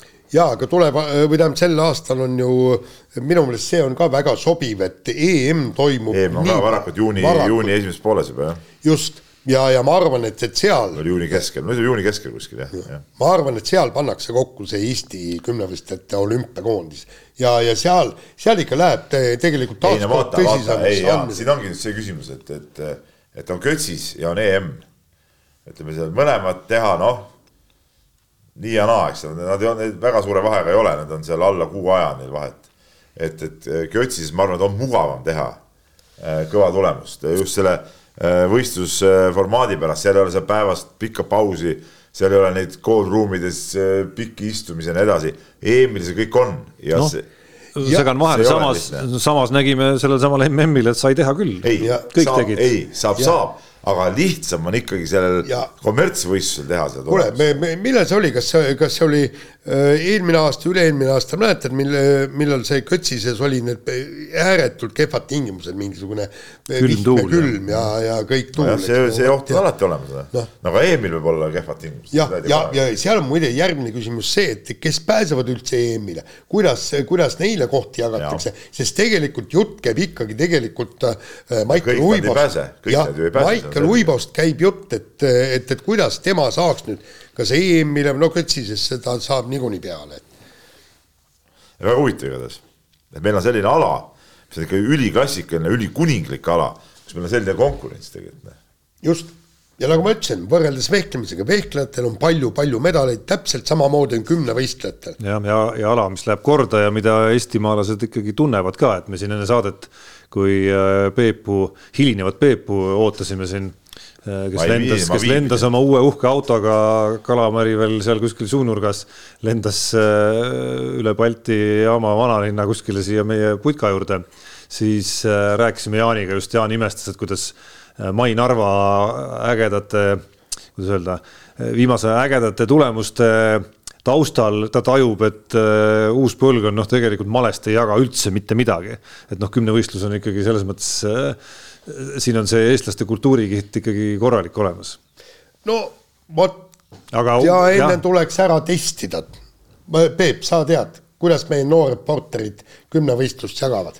meie noor reporter ei teagi eriti üldse mitte midagi. eks sa oled ka muidugi selles eas, kus noored ongi kõik hukas no,, muru oli rohelisem. ei no muidugi on. midagi nad ei, need noored ei jaga mitte midagi, olgu nad ajakirjanikud, korvpallurid, mis iganes. arutanud seda asja. ei, selge, et on paika, on ikka paika pannud jah. ma suhtun, et telefonikõned tulevad. eks see valik seisab ka mul ju ühel hetkel ees, et kas olla selline seda tüüpi vana inimene või siis seda tüüpi, et ei ole neil noortel häda midagi. tugineme ainult faktidele no., ainult faktidele selge. ja nii on ega nad ei ole, ega noored ei ole ka õiged napsumehed ju noh, nad ei kanna eriti midagi. noh, kaks-kolm pitsi juba jokkis ja ajavad mingid lalinad suust välja, noh. nii ei saa ju asja. võrreldes selle puhta kullaga, mis sinu no, suust purjus peaga hakkab tulema. absoluutselt, noh. ei, ei hakka või? ei, ei absoluutselt. nii on, niimoodi. Lähme edasi. kelle kord, minu kord? jaa koht number üheksa. koht number üheksa ja. magab kõik magab, ei tea, mis, mis, mis koht on, käib edasi-tagasi, ei tea, mida lugema peab, mida tegema peab, noh. hukas. täiesti. koht number üheksa, Eneli Jefimova, lühiraja Euroopa meister ja mitte ainult lühiraja Euroopa meister, vaid, äh, vaid oma ala noh medali pretendent tundub tänase taseme järgi juba ka pikas basseinis olümpial ja võimalik, et isegi kas no nõme on hakata noorele neiule siin mingid pinged peale panema ja Ikka rääkima panema. medalitest ja nii edasi, aga kui nüüd hästi objektiivselt vaadata, no siis kas medalisoosik, no medalisoosik, kas kelle medali võitmise tõenäosus äh, olümpiamängudel protsentuaalselt on kõige suurem, siis selle, selles tabelis top kolmes on Eneli Jefimova kindlasti, kui mitte number üks kui me paneme tänase seisuga, kes on olümpiale pääsenud, siis ongi Jefimov ja seitse, seitse sportlast ja, ja no, kümnevõistlejad no, ja Karel Kilgat on raske näha mitte olümpial, kuna ta on hetkel ikkagi see tabeli number ei, üks. ei, no ma panen ükstapuha kolm kümnevõistlejat, ärme nimesid juurde pane. ärme nimesid juurde pane, kolm kümnevõistlejat, nad on kõik võimelised võtma medali ja, ja nendega minu meelest on samaväärne, on Ene-Li Jefimov ja, ja juuniorides on ta häid, häid tegus, tegusid ja kõike teinud ja, ja e, pika basseini kuues, jah. jah, et e, noor reporter Gunnar Leeste muide väga huvitava e, leidis, leidis ühesõnaga meie jutuajamise Mehed ei nuta saates, kui Ene-Li Jefimov tuli kümneaastaselt esimest korda. mina küll ei mäleta, niisugust asja üldse rääkinud oleks, sa mäletasid seda? Ja, ja ei, me rääkisime, mina mäletan. sa mäletasid? oota, oota, räägi lõpuni. nii, kümneaastaselt äh, tuli siis äh, Eesti meistrivõistluste medalile ja siis meie arutasime siin äh, saates seda asja ja, ja hästi pädevalt arutasime. see, ma ei mäleta, mis teie seisukohad olid, minul oli kõige hullem on see, et, et, et ei hakataks teda forsseerima kuhugi, et las ta mina ütlesin, et seal ei ole midagi forsseerida, et laseme tal rahulikult olla ja, ja tegutseda. ja, ja sa ütlesid ka, et, et ta ei pea mingit trenni lõhkuma ega mitte midagi, et, et tal on veel lapsepõlv, mängib ju oma laste mänge ka ja täpselt. aga mis, mis mind selle Jefimova juures nagu nüüd ongi, ütleme te,, teeb noh head meelt, et tal on ikkagi klappinud või, või tal on sattunud ikka supertreener ka, Henri Hein ikkagi ikkagi, kes, kes on, ongi suutnud seda arendada just nagu ütleme, eakohaselt ei ole nagu liigselt, ma seda varem saates ka rääkinud, ei ole nagu liigselt siukseid äh, forsseeringuid peale pandud ja, ja, ja see on see, mis, mis annab, annab lõpuks selle hea tulemuse ühtegi tagasilööki ei ole, suuremat tulnud, paar nohu on siin olnud ja kõik, eks, aga. ise jätsid mingeid võistlusi vahele, vaata. just täpselt jah, et ütleme niimoodi, et, et ühest küljest teeb see ettevaatlikuks, sellepärast et noh, et noh, ei saa ju minna karjääri lõpuni ilma tagasilöökideta. miks ei saa, saab küll no,. sellist karjääri pole üht tagasilööki ei tule, noh, see on ebareaalne. no aga... me ei saa öelda, et tal pole ühtegi tagasilööki olnud, tal on no, ebaõnnestunud ujumisi küll ju no väga ei ole. no üksiku, mis üks tiitlivõistluste ujumine oli isegi, mille üle ta oli väga pettunud siin sellel aastal. jutt on ebaõnnestunud ujumise, jutt on ikkagi ütleme välisest tegurist, mis, mis võib nagu pärssida seda. jah, ja ta, ta oli pettunud sellepärast, et ei võitnud kulda, võitis hõbeda. Ja kui me peame seda tõsiseks tagasilöögiks, siis vabanda, see ei ole tõsine tagasilöök, nii. nii, aga lähme edasi, koht number kaheksa, truu-truu elagu meie poliitikud, kes ei ole ühelegi medali peale oodatud edaspidi ja põhjus lihtne, riik ei pannud uuel aastal EOK ja Team Estoniale pennigi juurde, kaks koma viis miljonit, mis hasartmängumaksu laekumisest ära võeti, ei kompenseerita, kuigi lubati. soovitud äh, tuge ei saanud ka Eesti spordisündmuste lipulaev Rally Estonia ja ütleme, kõik see, mis, äh, mis äh, mis Eesti riik, ütleme, tippspordiga teeb, on ikkagi nagu tegelikult häbiväärne no,. poliitikud ja mingid, häbiväärne tegelikult. Tead, seal ei ole nagu, vaata meil ju ilmus see kommentaar, kes selle kirjutas, ütles ka meil ei ole ju suurt pilti, tähendab, ei ole EOK-l suurt pilti ei ole Kultuuriministeeriumil, ei ole valitsusel suurt pilti, meil ei ole, me ei tea, mida, kuidas kirjutas selle väga hea kommentaari. jaa, oli väga, äh, väga hea kommentaar ja tõesti, tähendab, mind häirib ka väga palju see, eks, et no hakkame pealt, see Eesti spordikongress, see on ju täielik nalja, nalja. seda, seda me oleme alati käinud Jaaniga seal, ütleme, nagu huumorikoolis. no kongress kongressiks, lõpuks on oluline, mida siis igapäevaselt tehakse või ei, ei, ei tehta. ei, ma tahtsingi sealt edasi minna, eks, meil on Eesti Kongress, me räägime seal tundide, tundide, tundide kaupa juttu, me ei räägi mitte midagi konkreetselt, siis me oleme seal äh, kuidagi killustunud, nüüd me tegeleme ka laste liikumisharrastusega, nüüd me tegeleme tont teab millega. Eesti Olümpiakomitee ainus ja peamine ülesanne on Eesti tippspordi haldamine, juhtimine ja sellesse panustamine, kõik, punkt. see, kas sa mingisugune muud tiluliluga tegeled, pole üldse tähtis, sa võid korraldada spordikongresse, aga need peavad olema konstruktiivsed. meil on seda puudu, meil on seda vaja, me teeme nüüd niimoodi, meil on sirge siih, plaan, plaan minna vot niipidi ja vot sinna välja. eks, aga paraku. ja, ja kuidagi see, see tunne on ka nagu üsna lootusetu, et ega, ega kuskilt nagu kiiri ka ei paista, et lõppkokkuvõttes need, kes raha jagavad, noh, nende jaoks see ei ole eriline prioriteet, eriti ajal, kus raha on vähe. olgu seal spordiinimesi kaasas või mitte, suurt vahet nagu selles mõttes ei ole. kui see Urmas Sõõrumaa lubadus, et võtad lahti siin, mida EOK presidendivalimiste eel kaks korda oleme kuulnud, noh siis on sealt midagi, midagi siis nagu kas midagigi on, on, on teostunud, aidake nüüd meenutada. seal oli ju, seal oli ju mingid seal oli igasugu huvitavaid asju, kuidas see... trenni, kuidas kool, kõik trenni, mingid trennid hakkavad koolides toimuma ja mis seal kõik veel oli. raha tuleb võtta sealt Haigekassa sellest eelarvest. ja, ja, ja, ja mis ei ole vale idee. aga kõike seda, see on kümme korda räägitud, aga ei ole ja kui sa ei suuda seda maha müüa, no siis tee midagi, et see müüdaks maha. aga no see, et meil nagu suurvõistlusi toetab, minu arust see on ja, ja üldse nagu seda riik ei taha seda tippsporti nagu toetada erinevalt teistest riikidest. Ja see, see meie see Team Estonia on nagu, nagu nali nagu võrreldes teiste riikide nende, no ma ei tea, tiimidega, mis on, eks ole, siis noh nii ongi. Ja see, see läheb, viib tagasi, mis me rääkisime ennem siin nagu korvpallist, kuidas me ei suuda leida raha nagu ühe meeskonna jaoks, mis oleks meie au ja uhkus, no sama asi on ju sama asi on kogu selle, spordisüsteemiga. No. aa, muide see, mulle ju, kes see pagan mulle rääkis just äsja, et see Karel Tilga elukaaslane, see Hiina yeah., mis kerge, mis ala ta tegi? seitsmevõistlust. seitsmevõistlust, eks. et äh, siiamaani oli siis tema eelarve oli pool miljonit, tema isiklik eelarve, aasta eelarve oli viissada äh, tuhat eurot. tema isiklik selle aasta eelarve nii, ja kui Aasia meistrivõistluste tuleb kaheksa sekka, muutub eelarve piiramatuks. kõik, mida sa tahad, kõik makstakse kinni. tahad treeninglaagrit Uus-Meremaal, tahad Eestis, tahad seda treenerit, teist treenerit, sul on massaaž, see massaaž ja, ja meie peame nüüd nende tingimuste vastu võistlema. Neil on niisugused tingimused ja meil on näpuotsaga C-kategooria, nalja teete või? mis see on, tuhat kakssada viiskümmend eurot ja sellega sa pead kõik kõik ära majandama. oma söögid, oma transpordi, oma treeneritasud, oma võistlusreisid, oma laagrid, kõik nii, nalja teete. nii, ja lähme edasi. teeme nalja edasi. teeme nalja edasi. mina või? sina ikka. jälle ja, ja mulle satuvad kõik need niisugused uh, huvitavad teevad, nii.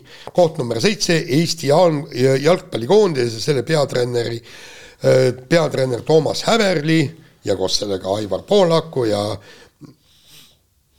eurosarja suvega, pagan, ma ei näe, prillid vaja eest ära võtta. Eesti klubide täielik langus ja, ja nagu siin kirjutatakse, naerualuseks ja tegelikult noh, no, no, no oli see kogu, kogu see. nagu see jalgpalli aasta oli ikka täielik. algus oli ja me võitsime, mäletad, Soomet vist võitsime maavõistlusmängus, tegime Islandiga viigi. ja kohaliku liiga kohta oli jutt, et see on äh, ühtlaselt väga tugev ja tasavägine, kõigi aegade vingem. jah, tugevam kui, mis see oli, Inglismaa mis see Rott meil välja pakkus? esiliiga, esiliiga, jah.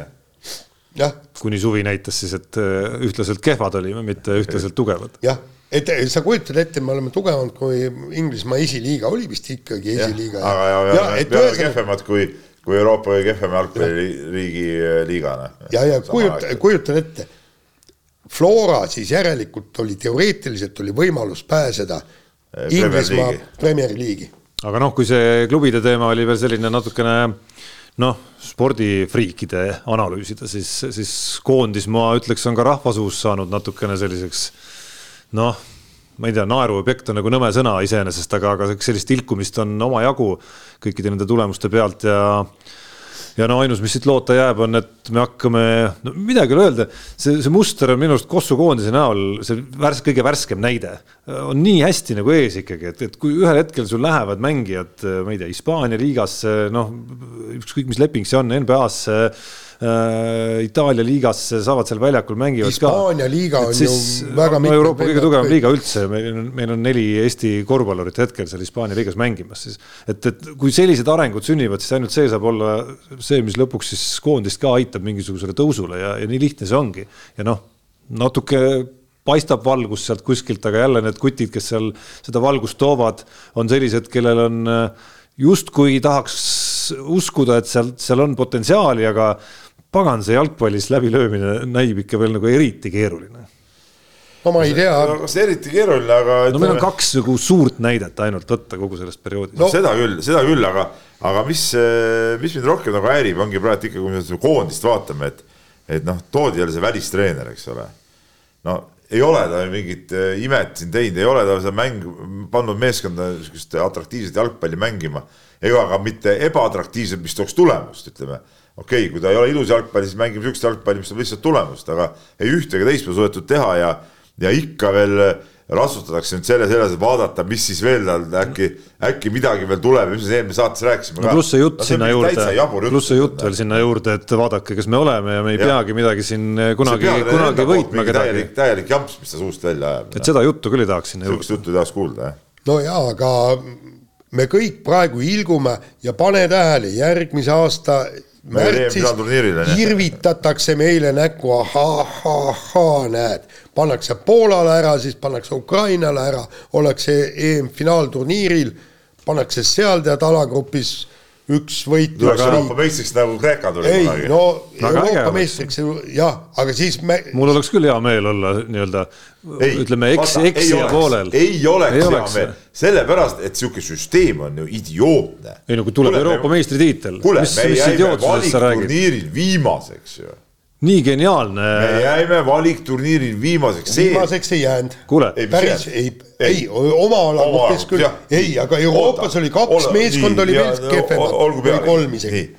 Me jäime oma alagrupis viimaseks ja see, et meil on üldse mingisugune võimalus mingisuguse absurdse rahvuste liiga mingisuguse jama kaudu kuhugi veel jõuda, näitab kogu see jalgpalli täielik totrus. ehk siis, kui Eesti jalgpallikoondis tõesti tulekski Euroopa meistriks pääseks kõigepealt sinna ja tuleks, siis äh, sellel finaalipäeval ilmub Peep sinu sulest kommentaar finaali järel et noh, tegelikult see ei loe, see, see, see tiitel ei ole tegelikult midagi väärt, see on eba, et see on ebaõiglaselt saadud ja, tiitel. ja, ja siis peaks niimoodi, kui antakse Eestile võitja karikas, kõik medalid paneks kaela, siis Eesti meeskond läheks kaotajate juurde, annaks karika neile, ütleks, me ei, tegelikult ei väärinud kõike seda, iga mängijad panevad need medal, medal, medalid vastaste kaela ja ma juba sellepärast tahaks, et see juhtuks, et, et ilmuks see kommentaar samal päeval, kui kogu Eesti on eufoorias. ei no kas, kuidas saad eufoorias siukse asja lubadus, lubadus anti. kuidas saad eufoorias siukse asja peale? Noh? väga hästi saab ma ei tea, Eesti, Eesti võidab, oletame, Eesti võidab. Eesti võidab veerandfinaalis Inglismaad, siis poolfinaalis Prantsusmaad ja finaalis Hispaaniat ja ei saa eufoorias olla. kas see sinu arust on normaalne, meil üldse see võimalus on praegu sinna pääseda? no see vahet ei ole, aga kui ei, see, kui see jada päriselt, kui see jada päriselt hakkab niimoodi kulgema. sa tahad nagu sohiga saada kuskile. siis, siis eufooriaks on põhjust küll. ei no, vot mina ei saa valemängurite eufooriast nagu aru olgu peale, läheme koha juurde number kuus ja kohalt number kuus leiame me, leiame me sellise koha, kust edasi tuleb öelda vist, et eh, midagi suurt positiivset ei ole, kui välja arvata võib-olla selle topi grande finaale. Millel on ka omad väikesed varjundid siiski küljes, aga kohal number kuus Eesti naiste vehklemiskoondises toimuv ehk et ajal, kui olümpiale pääsemise lootused on ikkagi suhteliselt tuhmid, isegi selle viimase MK, MK etapivõiduga, peavad siis Eesti naiste vehklemiskoondise peatreener Kaido Kaabermaa meie olümpiasangar Katrina Lehis või peaks äkki ütlema tema treener Nikolai Novosjolov avaliku vägikaikavedu sõnasõda koondise mitteesindamise avalduste ja ma ei tea, mille kõigega veel. no mina jään ikka enda seisukohale kindlaks, et see on alaliidu juhtide probleem, et nad ei ole suutnud seda asja lahendada. isegi kui isikud omavahel ei saa hakkama, siis selleks ongi alaliit loodud, et nad võtaksid härjal sarvist, me oleme sada korda siin rääkinud istuge maha, ruumi kinni, kedagi välja ei lase ja asi peab saama lahendatud ja ongi kõik. ja, ja kui seda tehtud ei saa, siis ei ole see alaliit eh, hakkama saanud endaga ja siis ta ongi minu silmis nagu mingi naljaliit. ja, ja tegelikult on ju konflikt on ju persoonide vahel, eks. nagu see Katrina Lehis öö, eh, oma nii-öelda vastukirjas sellele, et, et Kaido Kaaberma ütles siis äh, artiklis seda, et, et Katrin Aliis no vehkles kehvasti MM-il ja ta ei saa aru, kuidas nii head andekat äh, sportlast äh, saab nii kehvale tasemele viia. ja tegelikult see ei olnud ainult tema seisukoht. ma oleks võinud vähemalt kolm, neli, viis kommentaari täpselt samal teemal, kes ei ole sugugi Kaido Kaaberma suured poolehoidjad ka, ka, ka nemad ütlesid kõike täpselt sedasama, eks. ja Katrin Aleis muide tunnistas ka, ta oligi kehv. milles oli probleem, oli see, et Kaibo Kaaberma ütles selle välja. vot see oli ju see probleem ja seal, seal pidas Katrin Aleis oma sõnul seda solvavaks aga kas siin ei tule mängu ikkagi peatreeneri enda vastutus ka, et noh, Peep suhestub väga hästi, Peep on ise meistriliiga klubi peatreener ja ma arvan, et sa ikkagi kalkuleerid peas ja valid, mida sa ütled avalikult ja mida sa ei ütle avalikult no. et millise mängija kohta, mida, kuidas äh, neid, neid võimalusi öelda mängujärgsetes intervjuudes, ülekannetes on, on sisuliselt iga mängu järel peaaegu. et, äh, et ja noh, sa, sa nagu kalkuleerid natukene ikkagi, et äh, ühed sõnad toovad kaasa seda, teised seda, üks teeb mu seda konkreetset mängijat või meeskonna ma ei tea, tööd kuidagi paremaks ja teine sõnavõtt võib natuke halvemaks teha ja, ja kas see tagantjärele vaadates oli nüüd Kaido Kaabermalt väga tark käik ikkagi? nii, aga vaata see, vaata, siin on üks asi, et ei, teie ei ole temaga suhelnud, teie seda kõike ei mäleta. Öelge, millal on Kaido Kaaberma kiitnud, väga kiitnud oma õpilasi, isegi siis, kui nad hõbeda on teeninud ikka nad saavad torke ära. mäletad äh, Riio olümpiat? peatreenerilt tuli see, meil kaks vehklejat põlesid läbi, kõrbesid läbi, sellepärast me kaotasime. ja, ja, ja see, see ongi õige jutt. kui sa küsid talle, et, et kuidas sa sellega rahule jäid, isegi pärast seda võitu, nüüd, kui, kui võideti see, see turniir, kus pagana kohas see oli, äh, seal Vancouveris sealt, oh tead, seal on ikkagi hea vehkluseni niivõrd palju minna. Öeldi, nad hingega tegid, võtsid selle võidu välja. aga nende, nad ei ole ikkagi omal tasemele veel, õigele tasemele veel jõudnud. ja Kaabermaalt kogu aeg niisugust juttu tuleb, noh. ma saan aru jah, aga kas see on tema tugevus, ma ei ole kindel ei, aga tuleb sellega harjuda, kui inimene on kaheksa või üheksa või kümme aastat kogu aeg sedasama juttu rääkinud. ei no ma ütlen, teisest küljest on see tema koht, kus on võimalus areneda ja vältida selliseid kuule, asju. ei no kuule, ei no kuule, sa pead ikka vaatama, mis, mis sul võistkonnas nagu toimub, sa ei saa ju plähmerdada niimoodi. nii kogenud, ei no plähmerdab küll. no selles mõttes ta. nii kogenud treener, ta peaks ikka aru saama. teades, mis konflikt seal. ütle omavahel räägi seda asja, sa ei pea seda avalikult rääkima, noh no see ma Inimesed..., ma ka seal võib-olla riietusruumis või seal pingi peal ütlen ühele teisele mõnikord ka meelega võib-olla pahasti, eks ole, tead, et ta saaks aru, ma ei lähe seda siis sulle ütlema intervjuusse või, noh. aga miks mitte? Ah jaa, no ära aja. no kuule, kui inimene on kogu aeg, ütleb ausalt välja, mitte ei jäma selle lugeja ja ajakirjaniku, ajakirjanikel ei olegi mõtet ju tegelikult üldse minna ju küsima sportlast vähemalt kaotanud treenerit või midagi, seepärast sealt tuleb nihukest pläusti. ei no seal on vahe ju, mida ja mis mida kontekstis sa ütled, et noh, antud juhul ju eriti teades seda, antud juhul siis Novosjolovi, Kaabermaa hõõguvat äh, suhet ja tausta, noh, oli, oli selge, et see oli nii-öelda nagu ärapanek siis ju, ju temale. jah, mitte, mitte isegi, mitte isegi Katrina Lehise ei, no kehva vormi adresseerimine. saad ütelda seda, et, et äh, Lehis, ütleme, Lehis on Novožovi poolt ära rikutud või? no, seda? ütleme nii, see on vähemalt äh, viie-kuue inimese arvamus. miks see niisugune kokutamine tuli? ei, ma lihtsalt, ma hakkasin luke, lugema kokku, palju neid inimesi oli, kes minuga rääkis. aga okei okay,, see selleks, no vaatame, mis sellest kogu jamast edasi saab. praegu on tähtis see, et, et Eesti vehklemisnaiskond jõuaks Pariisi olümpiale, praegu on ikkagi ääretult keeruline ja kahetsusväärne on see, et, et Katrina Lehist ei ole naiskonnas. kui ta on heas vormis, ta võiks aidata. Võiks aitaks, no tema tegelikult ju no, ikkagi tassiski paljuski selle Tokyo kulla välja. no tema tassis kindlasti, aga tassisid kõik. tuletan meelde, et ta on ikkagi Tokyo individuaalne pronks. ja ei, seda ma tean. Novosjolovi käe all no nii, lähme nüüd edasi okay,. koht number viis. siin on põhjust jälle trumme põristada ja, ja koeri lõristada, sest et viis on ikka viis ja Ott Tänaku fiasko Rally Estonial kui lõppenud hooaja äparduste jada kõige sümboolsem sündmus. et, et äh, mis siin on, ongi see, et, et äh, Tänaku ütleme hooaegsel M-spordis osutus siiski ikkagi, kuidas ma ütlen, mitte kahvatu nagu, nagu halb öeldes, ega Ott Tänak ise võib-olla polnud nii kahvatu, vaid, vaid äh, tõesti nagu halvaks, halvaks valikuks või ebaõnnestumiseks, kuna see auto on lihtsalt selline, millega ei saanud tippkonkurentsis sõita. tead, ma, no ma lugesin neid teemasid ja ma kera, kerisin seda paganama sündmust läbi, noh no see on tõesti väga hästi välja valitud, see oli sümboolne. vaata hooaja algus, noh ütleme esimene ralli, noh, okei okay,, siis tuli ju see Soome ralli võit, eks, või selle Rootsi ralli võit. nii, ja, ja siis hakkas asi käest ära minema ja me kõik räägime, nüüd on kaks kiiret rallit, arutame siin omavahel eks, et noh, et, et sa noh, et, et võib-olla Ford ei ole nii kiire kiiretel rallidel, Hyundai on arenenud, Toyota on hea kõik, et äkki veab välja. ja siis on, tähendab, ühesõnaga esimene päev, testikatse, kõik nii ja tulevad kuskilt vaikselt niimoodi uudised, et nüüd on kõik pekkis, mootor tuleb ära vahetada. no sa ei, sa, sa ei taha seda ju uskuda kõik nii. See, sina ei olnud vist sinna veel jõudnud, eks ju. ma ei olnud, mul oli, mul oli õpilase kull, ma mäletan jah.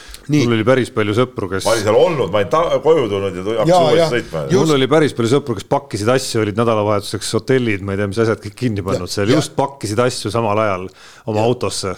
perekondadega koos jah, ja, ja, ja kusjuures meil oli ka kõik, sa kirjutad eellugusid, värki-särki, no sa ei taha uskuda. no lähed uurid ja tiimiboss ütlebki jah, katkine mootor, ilmselt. Et, et me ei tea, sõitiski ju seal ainult ühe selle testikatse, ütles, et kõik mootor läbi. ja siis ei taha veel uskuda ja siis tulebki lõpuks uudis, jah nüüd ongi kõik pekkis, vahetatakse mootor välja miinus viiega, viie minutiga hakkad sõitma. no mida kuradit, noh ja selle peale siis tuleb see Rich Millener, viimane nüüd paar nädal tagasi või mis ta ütles, me tegime kõik selleks, et Ott Tänak oleks maailmameistriks. Kuidas te tegite sellega, tähendab ühesõnaga. mina, mina arvan, et Ott Tänak oli nagu sel aastal üks, üks kangelane, selles suhtes ta suutis kaks rallit selle autoga võita see nagu kogu seda jama arvestades ja vaadates, nähes kõrvalt, mis seal nagu toimunud on, siis see, et ta kaks korda võitis sel hooajal on nagu imede ime tegelikult. see on täpselt see, nagu mäletad, Ossier võtsid Citroeniga, mis oli ka täielik käkerdis, eks ole, tead noh. et, et nad lihtsalt mehed on nii kõvad ja lihtsalt, lihtsalt teevad ära need asjad ja, ja saavad need võidud ka kätte ja ja võtavad maksimumi välja, aga noh, see ei ole nagu normaalne, kui, kui see masin on ikka nii palju kehvem, noh, midagi teha ei ole noh no õnneks, õnneks ta, õnneks Tänak lahkus sellest tiimist. jah, üks asi kehvem, teine asi laguneb. laguneb, no see, oleks ta olnud see ongi kehvem, noh. jah, oleks ta võidelnud sealsamas kas või kolmanda koha pärast, publik kõik möllab, värgid-särgid kõik nii, nüüd sa hakkad, saad kohe viieminutise karistuse, noh. mis mõte sellel kõigel on? nii, mina või? jah. okei okay.. koht number neli. Sport ja poliitika ei käi kokku. Ja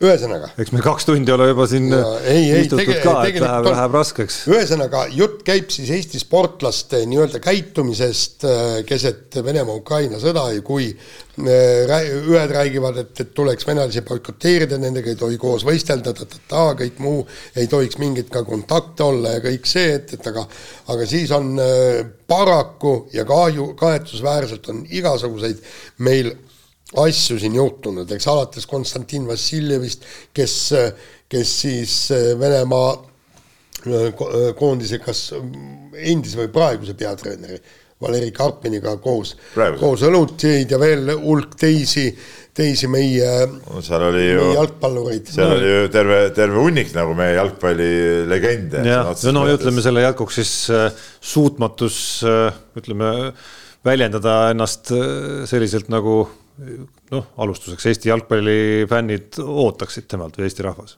just, ja Kaia Kanep mängib äh, paari koos venelannaga ja pärast mida siis tema ema annab teada, et noh, et, et tegelikult noh, et äh, sõda alustas umbes Ukraina, Ukraina on süüdi, et, et seda sõda alustati, no ühesõnaga seal ka ei saa üldse mitte midagi aru, eks. no Aivar Pohlak läheb veel siia sellesse nominatsiooni sisse, kui no ma pakun, et ikkagi isik, kelle otsusel Eestit ei olnud äh, ametlike või ametlikult ma mõtlen, aga äh, ütleme selliste esimeste protestijate seas, kui UEFA otsustas U seitseteist Venemaa koondisi võistlustele lubama hakata ja siin on veel igasuguseid äh, igasuguseid nominente selles reas nagu Irina Embrich, kelle õpilane Venemaa lipuvärvides maskis äh, võistlustel osales ja Narva Transi treenereid, kes Venemaa noorte jalgpalliturniiri osavõistlust äh, taht-, tahtsid korraldada.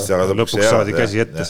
ei no me nagu õigustusega muidugi siin äh, nüüd rihmutame oma, oma neid sportlasi ja sporditegelasi, eks ole, selle eest, aga aga noh, paraku kahjuks nii on, et me ju näeme ka, kuidas kogu maailmas see asi muutub jälle, jälle pehmemaks ja, ja pehmemaks ja ma siin just, just tegin ka ühte kokkuvõtet näiteks sellest, kui palju, huvitav vaadata, kui palju äh, Venemaa siis äh, VTB Kossu liigas ja KHL-i hokiliigas välismaalasi mängib ja, ja see pilt on sealt ikkagi väga-väga, väga kirju, ehk siis, ehk siis neid on ikka seal ikka hulgim, hulgim, noh. ja, ja, ja ja kõik see olümpiale lubamine, olgu, on seal mingid tingimused nii ja naa, aga noh, nagu põhimõttelises otsuses, eks ole, ja, ja noh, see, see paraku on nii, noh, et, et ja, ja et meie, meie sportlaste need nii-öelda vääratused tunduvad isegi nende kõrval ikkagi isegi nagu siuksed nagu väiksed asjad, et noh, kuigi need hakkavad meile endale rohkem nagu hinge, eks ole, sellepärast me võtame neid ju üles ka ja, ja õigustatult võtame üles loomulikult. Noh. no eks suures pildis ongi sport võib-olla selline nagu pisku, on ju, et suures plaanis on. Äh, ei no ma rääkisingi nagu spordi asjadest, suurtest no, spordi asjadest. suures plaanis on selge, et meie ohutunne siin äh, justkui tsivilisatsiooni serval elades on äh, selgelt mingisuguses hoopis teises ärevuse faasis ja. ja mure tuleviku pärast hoopis teisel tasemel ja kuulasin siin täna hommikul tööle sõites just Hans H. Luige, Kersti Kaljulaidi episood kahte, mida nad seal Luige lugudes omavahel rääkisid ja Kaljulaid rääkis seal, kuidas ta käis Rootsis hiljuti, üritades ka siis adresseerida, et kuulge, oleme siin nii-öelda no ühesõnaga, seisame silmitsi olukorra, kus ei ole siin igavesti mingit USA-d, kes seisab meie turvalisuse eest ja Euroopa peab siin ise hakkama saama ühel hetkel, võib-olla ka päriselt hakkama saama. ja ega rootslased, ega Rootsis ka ei mõistetud tema sõnul seda juttu äh, kuigi hästi, just ütleme siis nii, ja me ei räägi sportlastest, vaid räägime isikutest, kelle äh, kohustus ja voli mõista. oleks valmistada, mõista, osta, anda relvatööstustele täistuuridele hankeid sisse ja nii edasi, nii edasi, nii edasi no see on, kui, kui nad räägivad, kuidas kaubad liiguvad paremalt ja vasakult, tegelikult rahulikult Vene, Vene, Venemaa tulud on suurenenud, gaasi ja naftat müüakse rohkem kõik, et, et noh. relva, relva ehitamisteks vajalikud tarned mingit teid pidi jõuavad kõik kohale no, ja, ja kõik, kõik nii edasi, et raske, ei taha esimesel jaanuaril liiga masendavaks minna siin, aga ütleme, lihtne on äh, lihtne on ennast mõtetes kruttida vähemalt üsna siuksele mornile reele. no vot, mina neid mornireesid endale pea pähe ei kruti vähemalt, noh, mis, mis see siis, mis see sulle annab, kui sa kogu aeg. ei anna absoluutselt midagi, ei, ei, ei, ei, tohikski, ei, ei tohigi teha, noh, selles mõttes. Õnneks on sport näiteks olemas, mis äh, jättes välja siin nüüd äh, Konstantin Vassiljevit, Aivar Pohlakut, Kaia Kanepit äh, tundes ühest küljest rõõmu tugitooli sportlase rolli üle ja teisest küljest sportimise enda üle, siis noh, need on asjad, mis aitavad vältida siis nende muremõtete tekkimist seal. Tarmo, see, mida sa teed, suusatamine, see ei ole sport, see on kehakultuur. no kehakultuur, ei, see, see, see töötab ka, see töötab ka kusjuures väga hästi, kusjuures sellel lool oli omaette puänt, kas te märkasite, et vist oli Sokkerneti hääletuses aasta lõpus Konstantin Vassiljev valiti Eesti fännide lemmikuks. mina küll ei usu, mina küll ei usu, et väga suure osa Eesti jalgpallifännide ütleme siis tunne tema suhtes muutunud on, et ma ei tea, kuidas see valiti, kas mingi veebihääletus kus piisas sellest, et võib-olla mingi osa fännidest siis, kes polegi kunagi äh, tundnud, et, et ta midagi valesti oleks teinud või öelnud, lihtsalt piisas sellest, et nemad endiselt on tema taga. no põhimõtteliselt nad ei mäletaks seda enam ausalt öeldes, mis seal õlleklaasi taga juhtus. kindlasti mäletavad, ma tean ikka väga palju fänne, kes mäletavad ja jäävad igavesti mäletama. no neil on pohh. nii, aga nüüd.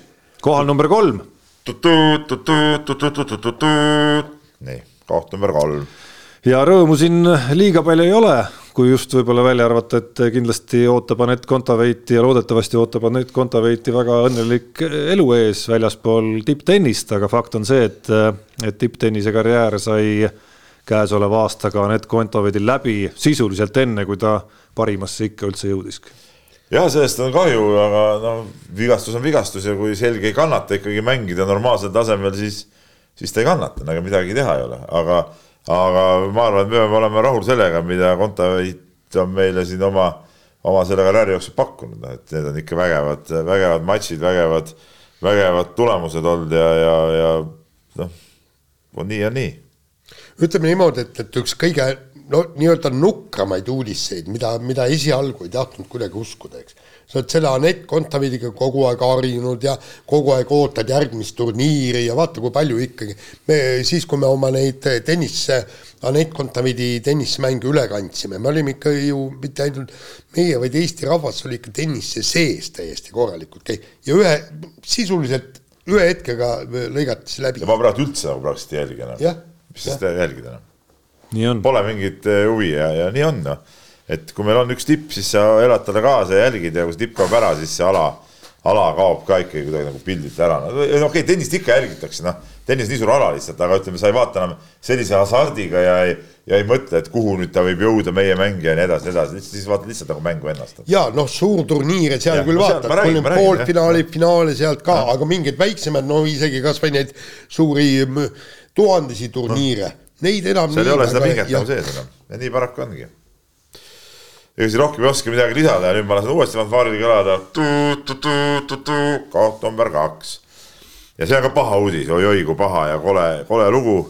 ja Mehis Viru, siis meie Eesti üks äh, sihuke tuntumaid kergejõustikutreenereid aastaid olnud, äh, tema kohta siis tuli välja selline lugu, et ta sai tähtajatu kergejõustikutreenerina tegutsemise keelu seoses õpilasega liigse läheduse otsimise, otsimisega ja hiljem pidas Meis Viru kinni ka talle äh, esitas kuriteokahtlus seksuaalvahekorra eest õpilasega ja samal ajal rääkis näiteks antidopingu juht Enn Vallimäe, et on avalik saladus, et Viru rikub talle määratud juhendamiskeeldu ja nii edasi ja mis kõik puudutab siis tema õpilast Karmen Pruusi, siis pärast seda skandaali on eelmisel hooajal tema karjäär noh, käis ikkagi totaalselt alla, et, et, et siin on nagu mitu, mitu nüanssi, et kõigepealt treeneri noh, ikkagi mulle tundub, et täielikult tõestust leidnud vääritu, vääritud tegutsemine ja käitumine ja, ja, ja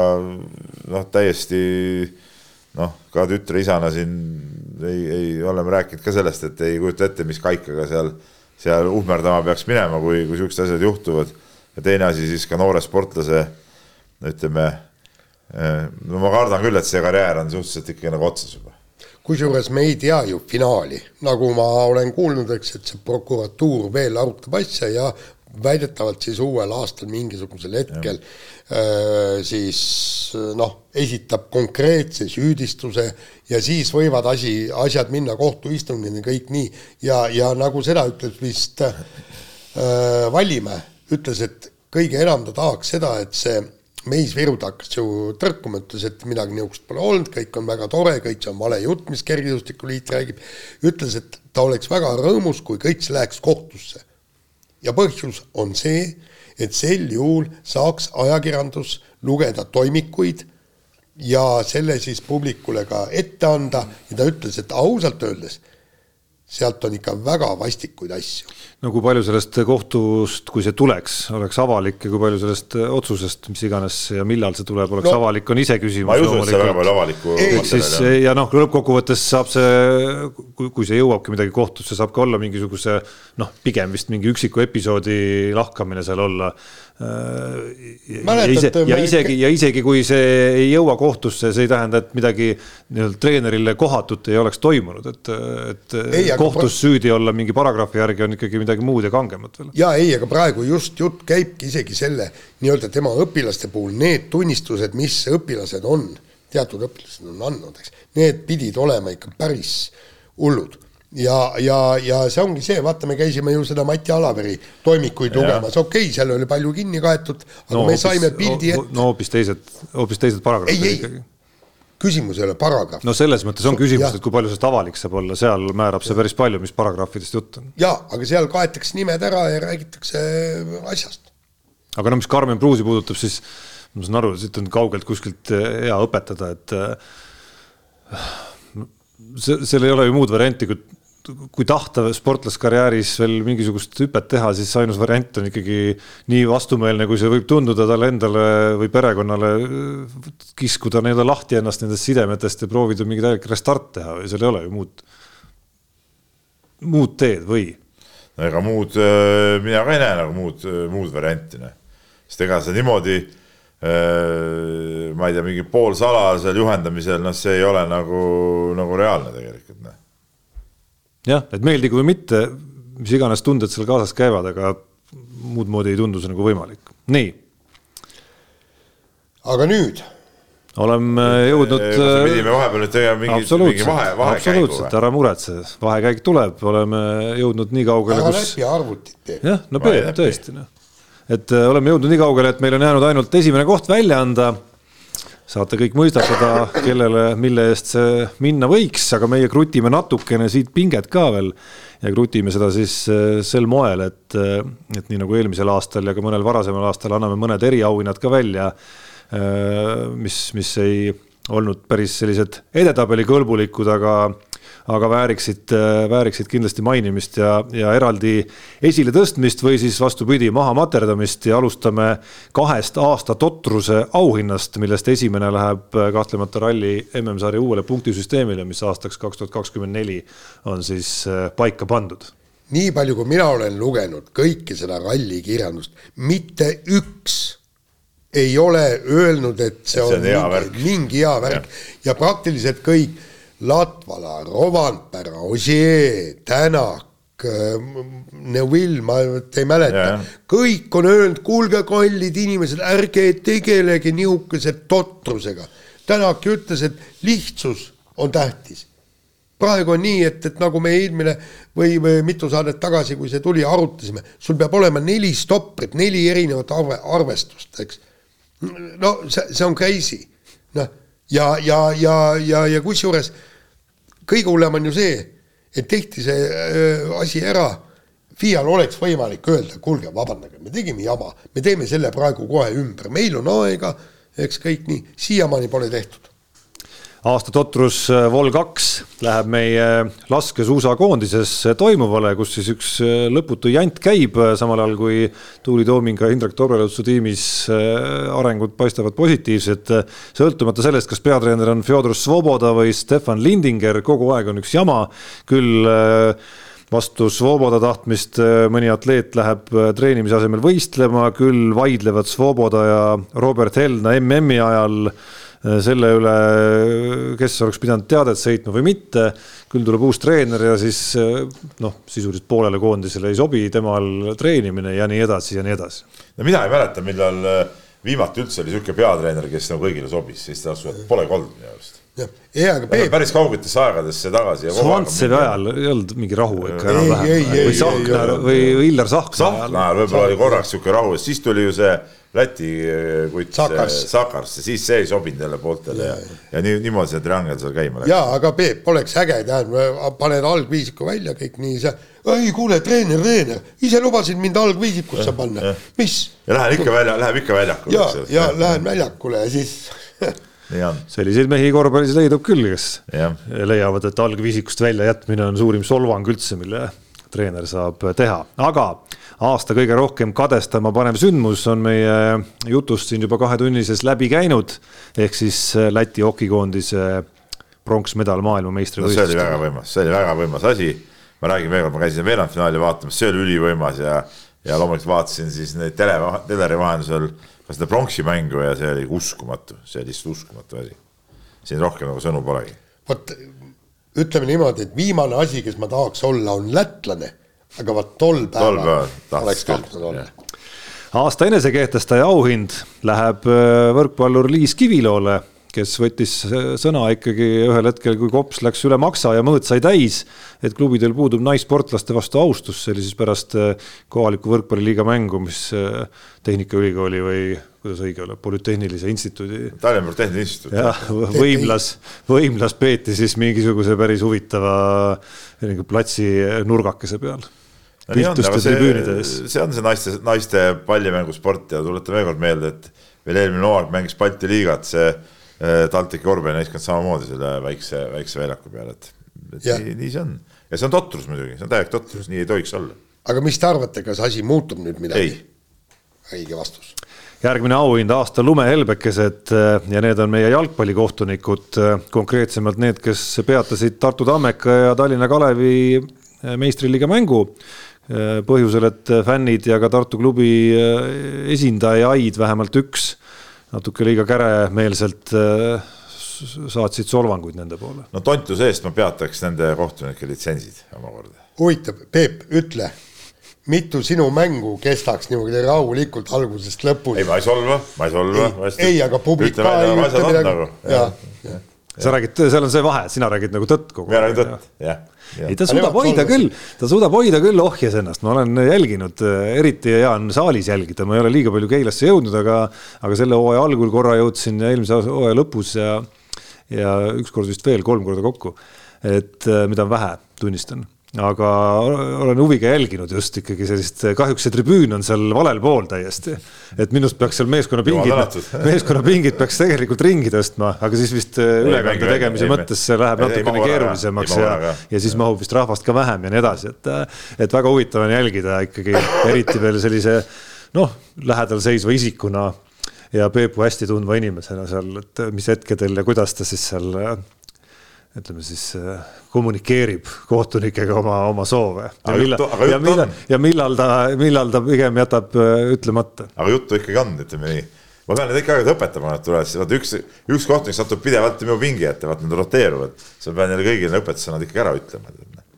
nii, aasta õnneseene tiitel läheb Eesti rattalootus Madis Mihkelsile, kes äh, pääses napilt hiinlaste omakohtust ja ka Äh, rattamaailma kõvemast karistusest, erinevalt äh, Jüri Vipsist, kes siis äh, autospordimaailmas persona non grata'ks tükiks ajaks muutus, kui ta siis Hiinal tuuril olles koos meeskonnakaaslasega pildil pilusilmi tegi ja, ja see ka sotsiaalmeediasse jõudis. jaa, aga see oli kohalik intsident, see ei olnud rahvusvaheline nii-öelda nagu Jüri Vipsi. ütleme hiinlaste no. käest kaigast oleks võinud küll saada. no kaigast oleks võinud saada, jah no ma ei kujuta ette, kui see oleks olnud mingisugune selline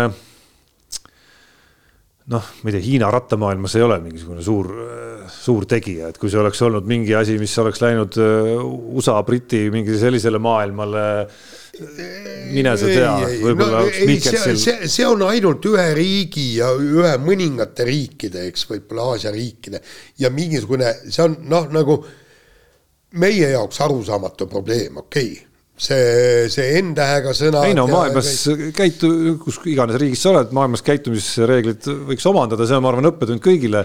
aga mul on väga hea meel, et, et, et tal ei läinud nii nagu Vipsil, selles mõttes, et Vipsi karistus ilmselgelt oli liiga Loomulik, karm, et, et õppetund, õppetunde saab inimene ikkagi nagu ka teistmoodi ja uusi võimalusi võiks, võiks ka sellele järgneda.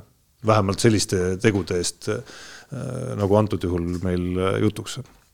nii, aasta suuvoodri auhind läheb äh, noh, antud juhul konkreetselt Norbert Hurdale, tol hetkel FC Flora spordidirektorile, aga eks neid suuvoodreid, kes antud kontekstis pretendeerivad sellele karikale veel, on kindlasti veel ja, ja see konkreetne tiitel läheb siis intervjuu eest, kus küsiti Norbert Hurda käest kas tipuründaja võiks näiteks olla koht, kus Flora teeb ainult eestlaste poliitikas erandi ja palkab piiri tagant täiendust ja vastus, kui Aivar Pohlakult endalt küsida, siis on tema vastus selles küsimuses selge. ja kui mina, minult küsida, siis mina olen ka vastuse öelnud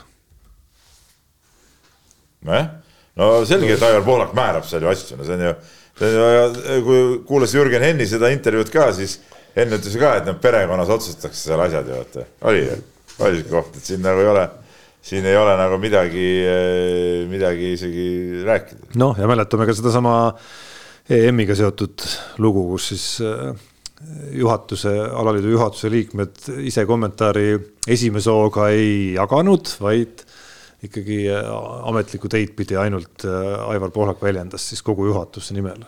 Huvitav, kas Peep, teil ei ole niimoodi, kui sa tahad näiteks mõnda mängijat uut tuua või kõik, et no näiteks üht välismaalast juurde, helistad korvpalliliidu presidendile, kuule, kas ma tohin võib-olla võtta? ei olnud, ei olnud. aga kuidas teil klubis asjad on, kas abitreener võib, ütleme, satub intervjuu tahma, kas ta intervjuud võib andma ilma sinu luba küsimata? ei, ta peab võtma ennem ütleme küsimused ette, siis me vaatame need koos läbi töötame, töötame läbi vastused. või tuleb vastus, ütleme, ma olen ajakirjanik, no võib öelda isegi, et, et olen äh, mingist otsast. Äh, ja mul tulebki tunne, et ma tahaks kutsuda podcast'i Kristjan Evartit. nii, et kas äh, klubis siis, tuleb selle peale vastus, et ei, ainult, et Peep tuleb ja räägib tema eest? ei, ei ole, ei ole nii, ei ole nii.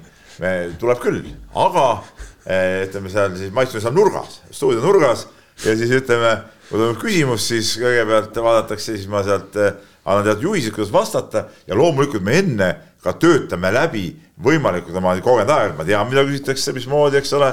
töötame läbi erinevad küsimuste variandid ja siis äh, ka vastused nendele loomulikult. ja, ja, ja, ja põhimõtteliselt siis, kui noh. ja kui on ütleme kirjalik intervjuu, mida me siis ütleme tahaks abitreener üle lugeda, siis eh, ütleme näiteks Tarmo Kõlv saadab siis ütleme Evartile, aga siis selle parandatud versioon tuleb minu meili pealt sulle tagasi. Ja, ja Peep, mitte, mitte ühtegi raadio ega mingit intervjuud ei ole otse, see on, see on kõik tähendab. ei, absoluutselt, otse, otse ei saa teha. ja, ja, ja seal ongi niimoodi. Ja, ja, ja siis, kui, kui mängija hakkab kuhugi või äh, abitreener hakkab vales suunas minema, sa näitad time out, stopp, nii, siis pannakse käib ja teeme nüüd selle lõigu üles, sa pead ütlema seda, seda, seda. täpselt nii. nii, järgmine auhind läheb aasta tsitaadi eest äh, Janar Taltsile, meie legendaarsele korvpallurile ja Tartu klubi spordidirektorile on vist see tänapäeva moodne ja. nimetus ka temal kenasti olemas. ja tsitaat ise, treener ei saa mängijatel nina pühkida ja tagumikku puhtaks tõmmata, ei saa lõputult perset patsutada ja oodata, millal lõpuks mängima hakkad. mõne mehega võib-olla jäämegi seda ootama.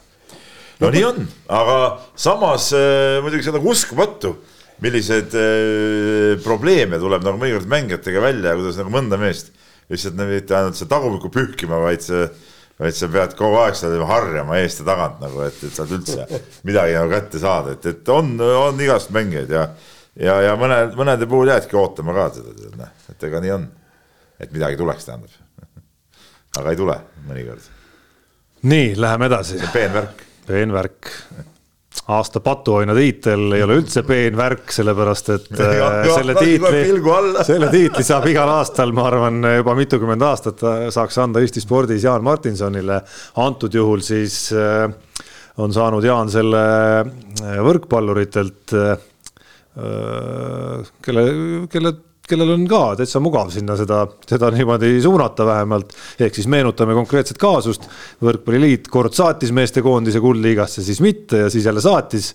ja süüdi kogu loos jäi loomulikult nagu ikka Jaan, kes pani kirja. liiga kes, vara, panid kirja. kes pani liiga vara kirja koondise peatreeneri äh, laused ja Me, oli pärast. mis meile saadeti. jah, mis meile saadeti ja, ja oli pärast siis süüdi. aga miks sa teed niimoodi, Jaan? kuule.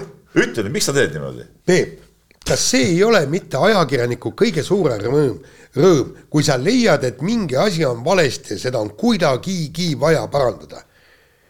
ja siis sa tõesti üritad kõik teha endast võimalikku. mulle öeldi, et, et miks ma selle eh, nii-öelda kommentaari poliitiliseks ehk siis eh, Reformierakonna vastaseks kirjutasin, aga just sellepärast, just sellepärast, et äkki siis hakkab keegi kuskil midagi mõtlema ja, ja tulemus, mis oli? enne oli see, et, et äh, härra Võrkpalliliidu president Hanno Pevkur andis teada, et me ei mängi sel, teisel, kolmandal põhjusel. ütles, see on täpselt nii nagu äh, Reformierakonnas Eestis kui ka võrkpallis on, kõik on täielik jama, mitte midagi ei tehta, mitte midagi ei teata ja voilà, kohe varsti kuldliigas mängukoht olemas, probleeme ei ole ja kõik nii.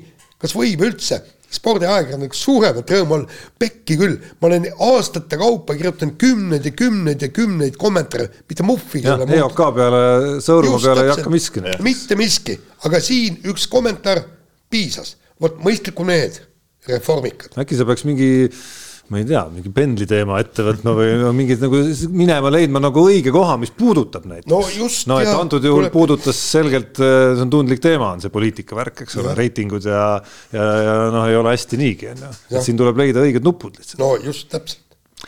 nii, kaks tiitlit on siia lõppu veel jäänud äh, ja neil on üks ja sama, üks ja sama laureaat, esiteks Parapapa aasta unustaja tiitel, üllatus-üllatus, läheb siit üle laua Peebule valgete maikasärkide eest koduse liiga veerandfinaalseeria avamängus Tartu vastu. see oli nagu meelega tehtud, see oli meelega tehtud, et vastast nagu segadusse ajada mm, -hmm. et noh, seal ei ole nagu neid numbreid peal, nad ei tea, keda, kes keda võtab ja, ja see oli tegelikult, tegelikult meil särgides kaasas. et seda juttu, et see Aga, ununesid sul trükikojast tulles autosse, see. see oli kavalus, me bussis tegelikult mõtlesime välja, ahah, siin on vaja mingi ekstra nipp ja siis, äh, siis sai sihuke asi tehtud jah, väga hea, väga hästi toimis.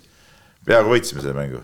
ja teine, teine tiitel on nimega Aasta Tõnisson, äh, viitega siis loomulikult legendaarsele teosele nimega Kevade mis nad siis tulevad meie õue peale kaklema. ehk siis äh, esiteks selle eest, kuidas Peep tekitas rahvusvahelise skandaali, kui äh, ei lasknud siis Prometee mängijatel Keila spordihoone keskringis käsi kokku lüüa. ja no siis meenutame veel sellest samast Valge Maika seeriast veel ka olukorda, kus, kus, kus käis ka õlga panemas siis, siis vastaste ameeriklasest tagamängija.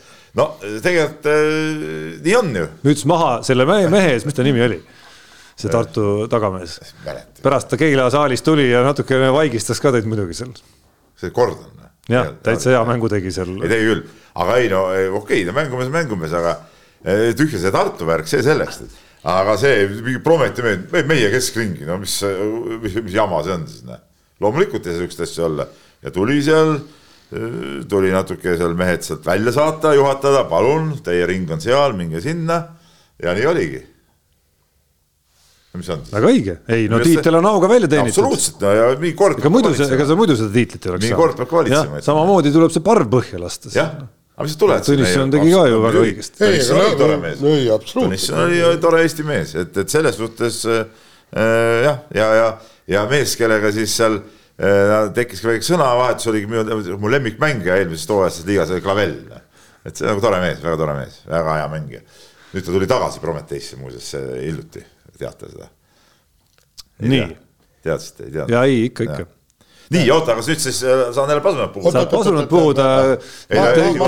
Te ikka tajute, kui sujuvalt kõik asjad nii-öelda jooksevad kokku siin saates praegu lõpus, jah? ma lihtsalt e-, enne tahtsin vaikselt öelda, et no näed, eks kes on tegijad mehed, vanad mehed, mitu tiitlit poisike sai. see oleks veel, see oleks hea. meie vahepeal kolm, Tarmo null. no aga täpselt nii ongi. Baranka. ei, ega ei olegi midagi vastu panna. nüüd võib pasunat puhuda või? Jah. võid, võid. koht number üks. nii, mina pean lugema. no kes siis veel, Jaan, no. ja, ja käed värisema, paber, paber.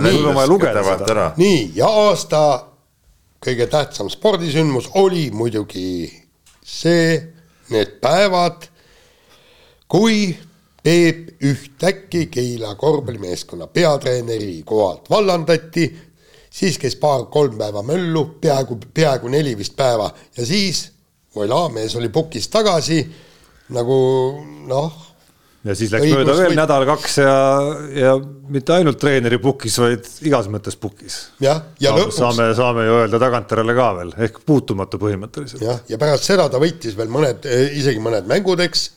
noh, peatreener on erinevalt siis noh, tema abitreenerist, kes rahulikult siin vastasid kotti pani, tead. ja, ja. kotti pani ühe siiski. no sada protsenti. näed, mul on siin isegi meene kaasas seekord ka siia kurikuulus särk. kus me ikka tuleme, kui nii hästi kõik asjad klapivad kokku siin äh, ühele päevale, kenasti meie saate ülesvõtte päevale ja, ja meie toimetuses ringi jalutades Eesti Ekspressi nurka sattumise päevale, kus äh, palutakse mulle üle anda ja edasi saata Peebule Ekspressi päkapiku särk ka veel. väga hea mis, mille nomineerimine ja nominatsioon kahtlemata tuli ka ikkagi peamiselt, ma usun, sellesama vägeva stseeni ja nende vägevate päevade eest, siis. vaata ilus mees. patt oleks seda siin eetris olla, jätta tegemata. analüüsides nüüd seda näed, tahtejõuline lõug,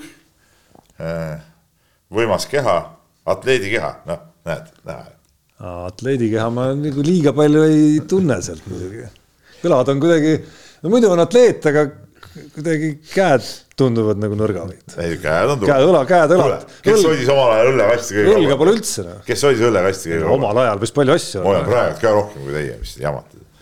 no ei tea, paneks äkki proovile Jaan tahab võistelda Jaanis annab, kui ta sisse kümneks, üheks kümne, kümnendikuks selle kasti lahti, nüüd ta üldse maast lahti. nii, aga nii. muide, kogu, kogu see, kogu Särk, see triangel, triangel, mis siis toimus, tõi mulle meelde sa pead, ma arvan, et sa pead selga panema selle pintsaku peale.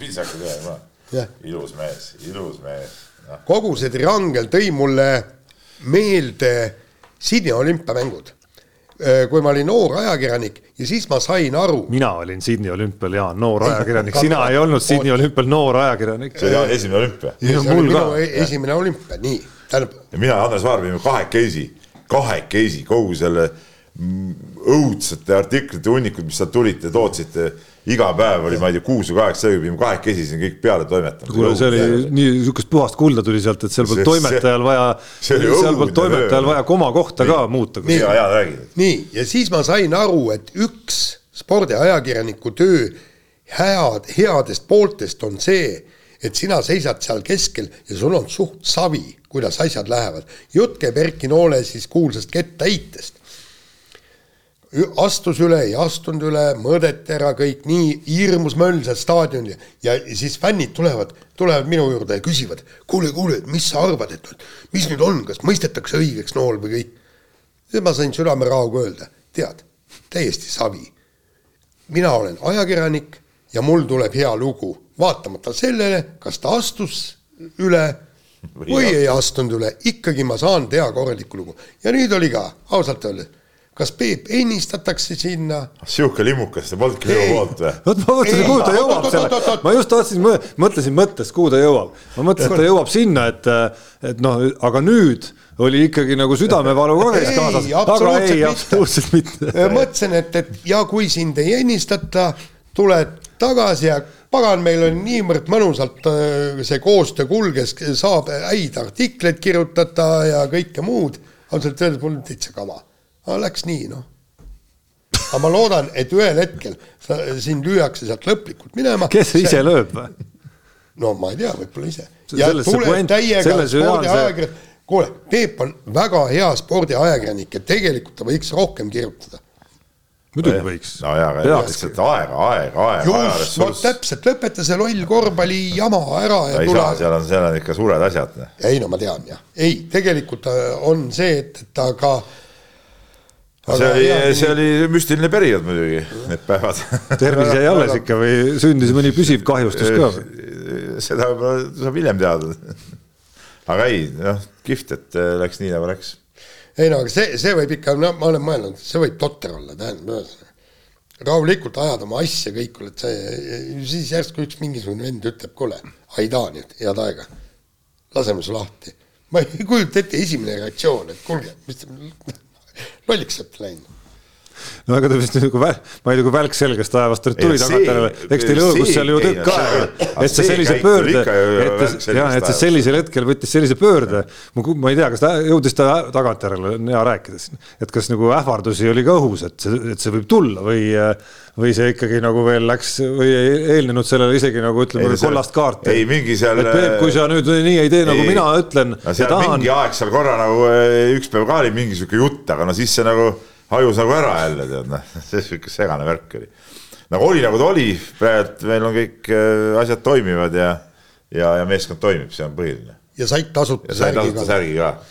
vot nii. loodan, et see mahub muidugi, suuremaid seal ei olnud. XXL loomulikult no ei no, no, kui sa vaatad seda XXL-i, siis see on selline, ütleme. see on mingi vale XXL või? no ta ei ole kõige suurem XXL näiteks äh, dressipluus, mida ma kannan, on üldse XL näiteks. et võib-olla sa pead natuke vaatama, et no, siis... et äh, viimases saates, mäletad, viimases saates just äh, lõpetuseks oli mul jutt, et mul oli valida, kas sõita, sõita teisipäeval Keila poole või Pirita poole suusarajale, sa veel ähvardasid, et ära Keilasse küll tule, et on vähem, on rohkem ruumi seal. ja noh, loomulikult selle peale ma nimme läksin Keilasse.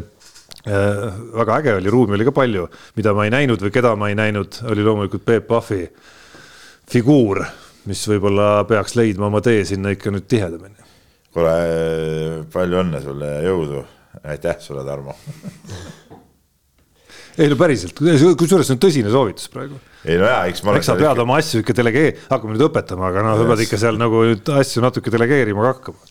no eks me natuke oleme delegeerinud ka juba. et jõuda suusarajale ja kõik muud ah, eks ma ei ole, enne kui sa pole Tartu maratoni läbi sõitnud, ei ole nii suusatamist üldse. kuule, tänav, tänav on ju, Tartu maraton on ju rahulikult. no jaa, aga see ei ole õige. no see ei lähe teie jaoks ju, teie jaoks. arvesse ei lähe. aa, okei teie jaoks, ma tean, et see ei lähe arvesse, aga selles mõttes on märgid head ja just kusjuures eile õhtul ma just ühe äh, vana suusamehega, meie ühise tuttavaga rääkisin sel teemal Äh, kes äh, juhtis muidugi ka tähelepanu, et vabas stiilis kindlasti on selle läbimine raskem kui klassikalises stiilis. et noh, seal see haamri võimalus on äh, oluliselt suurem, et see energiakulu seal, eriti kui hooletult pildad, seda on päris suur, aga asi on progressis selles mõttes, et sel aastal on juba pool, tähendab siis nagu õige maratoni eel, pool maratoni vabastiilis täitsa mingi ametliku üritusena. nii et ma usun, et viie aasta perspektiivis lõpuks ometi näeme ära selle hetke, kus Tartu maratoni põhisõit lõpuks ometi on vabastiilis, ka minu eluajal. see ikka ei loe. see ikka ei loe. selge. nii, aga sellega tõmbame saate otsad kokku. soovime Peebule õnne veel kord. hurraa. nüüd on, äh, nagu sa tead, Peep, äh, tiitlit võita on alati lihtsam kui tiitlit kaitsta. Ott Tänakul on see õnnestunud no kuule, küll on midagi välja võtta. nii et, nii et latt on nüüd ikkagi väga selgelt seatud. kas tõesti kahtleb minu võimetes või? ei, ei kahtle, aga ikkagi no, tuletan meelde sulle lihtsalt no,. nii, oota, kas meil see muusika kõik on olemas, et head uut aastat või? no see tuleb Peebul ah,. head uut aastat head uut aastat. noh no. no, nii oli. selge. Davai. head uut aastat. ju. mehed ei nuta. saate tõi sinuni Unibet, mängijatelt mängijatele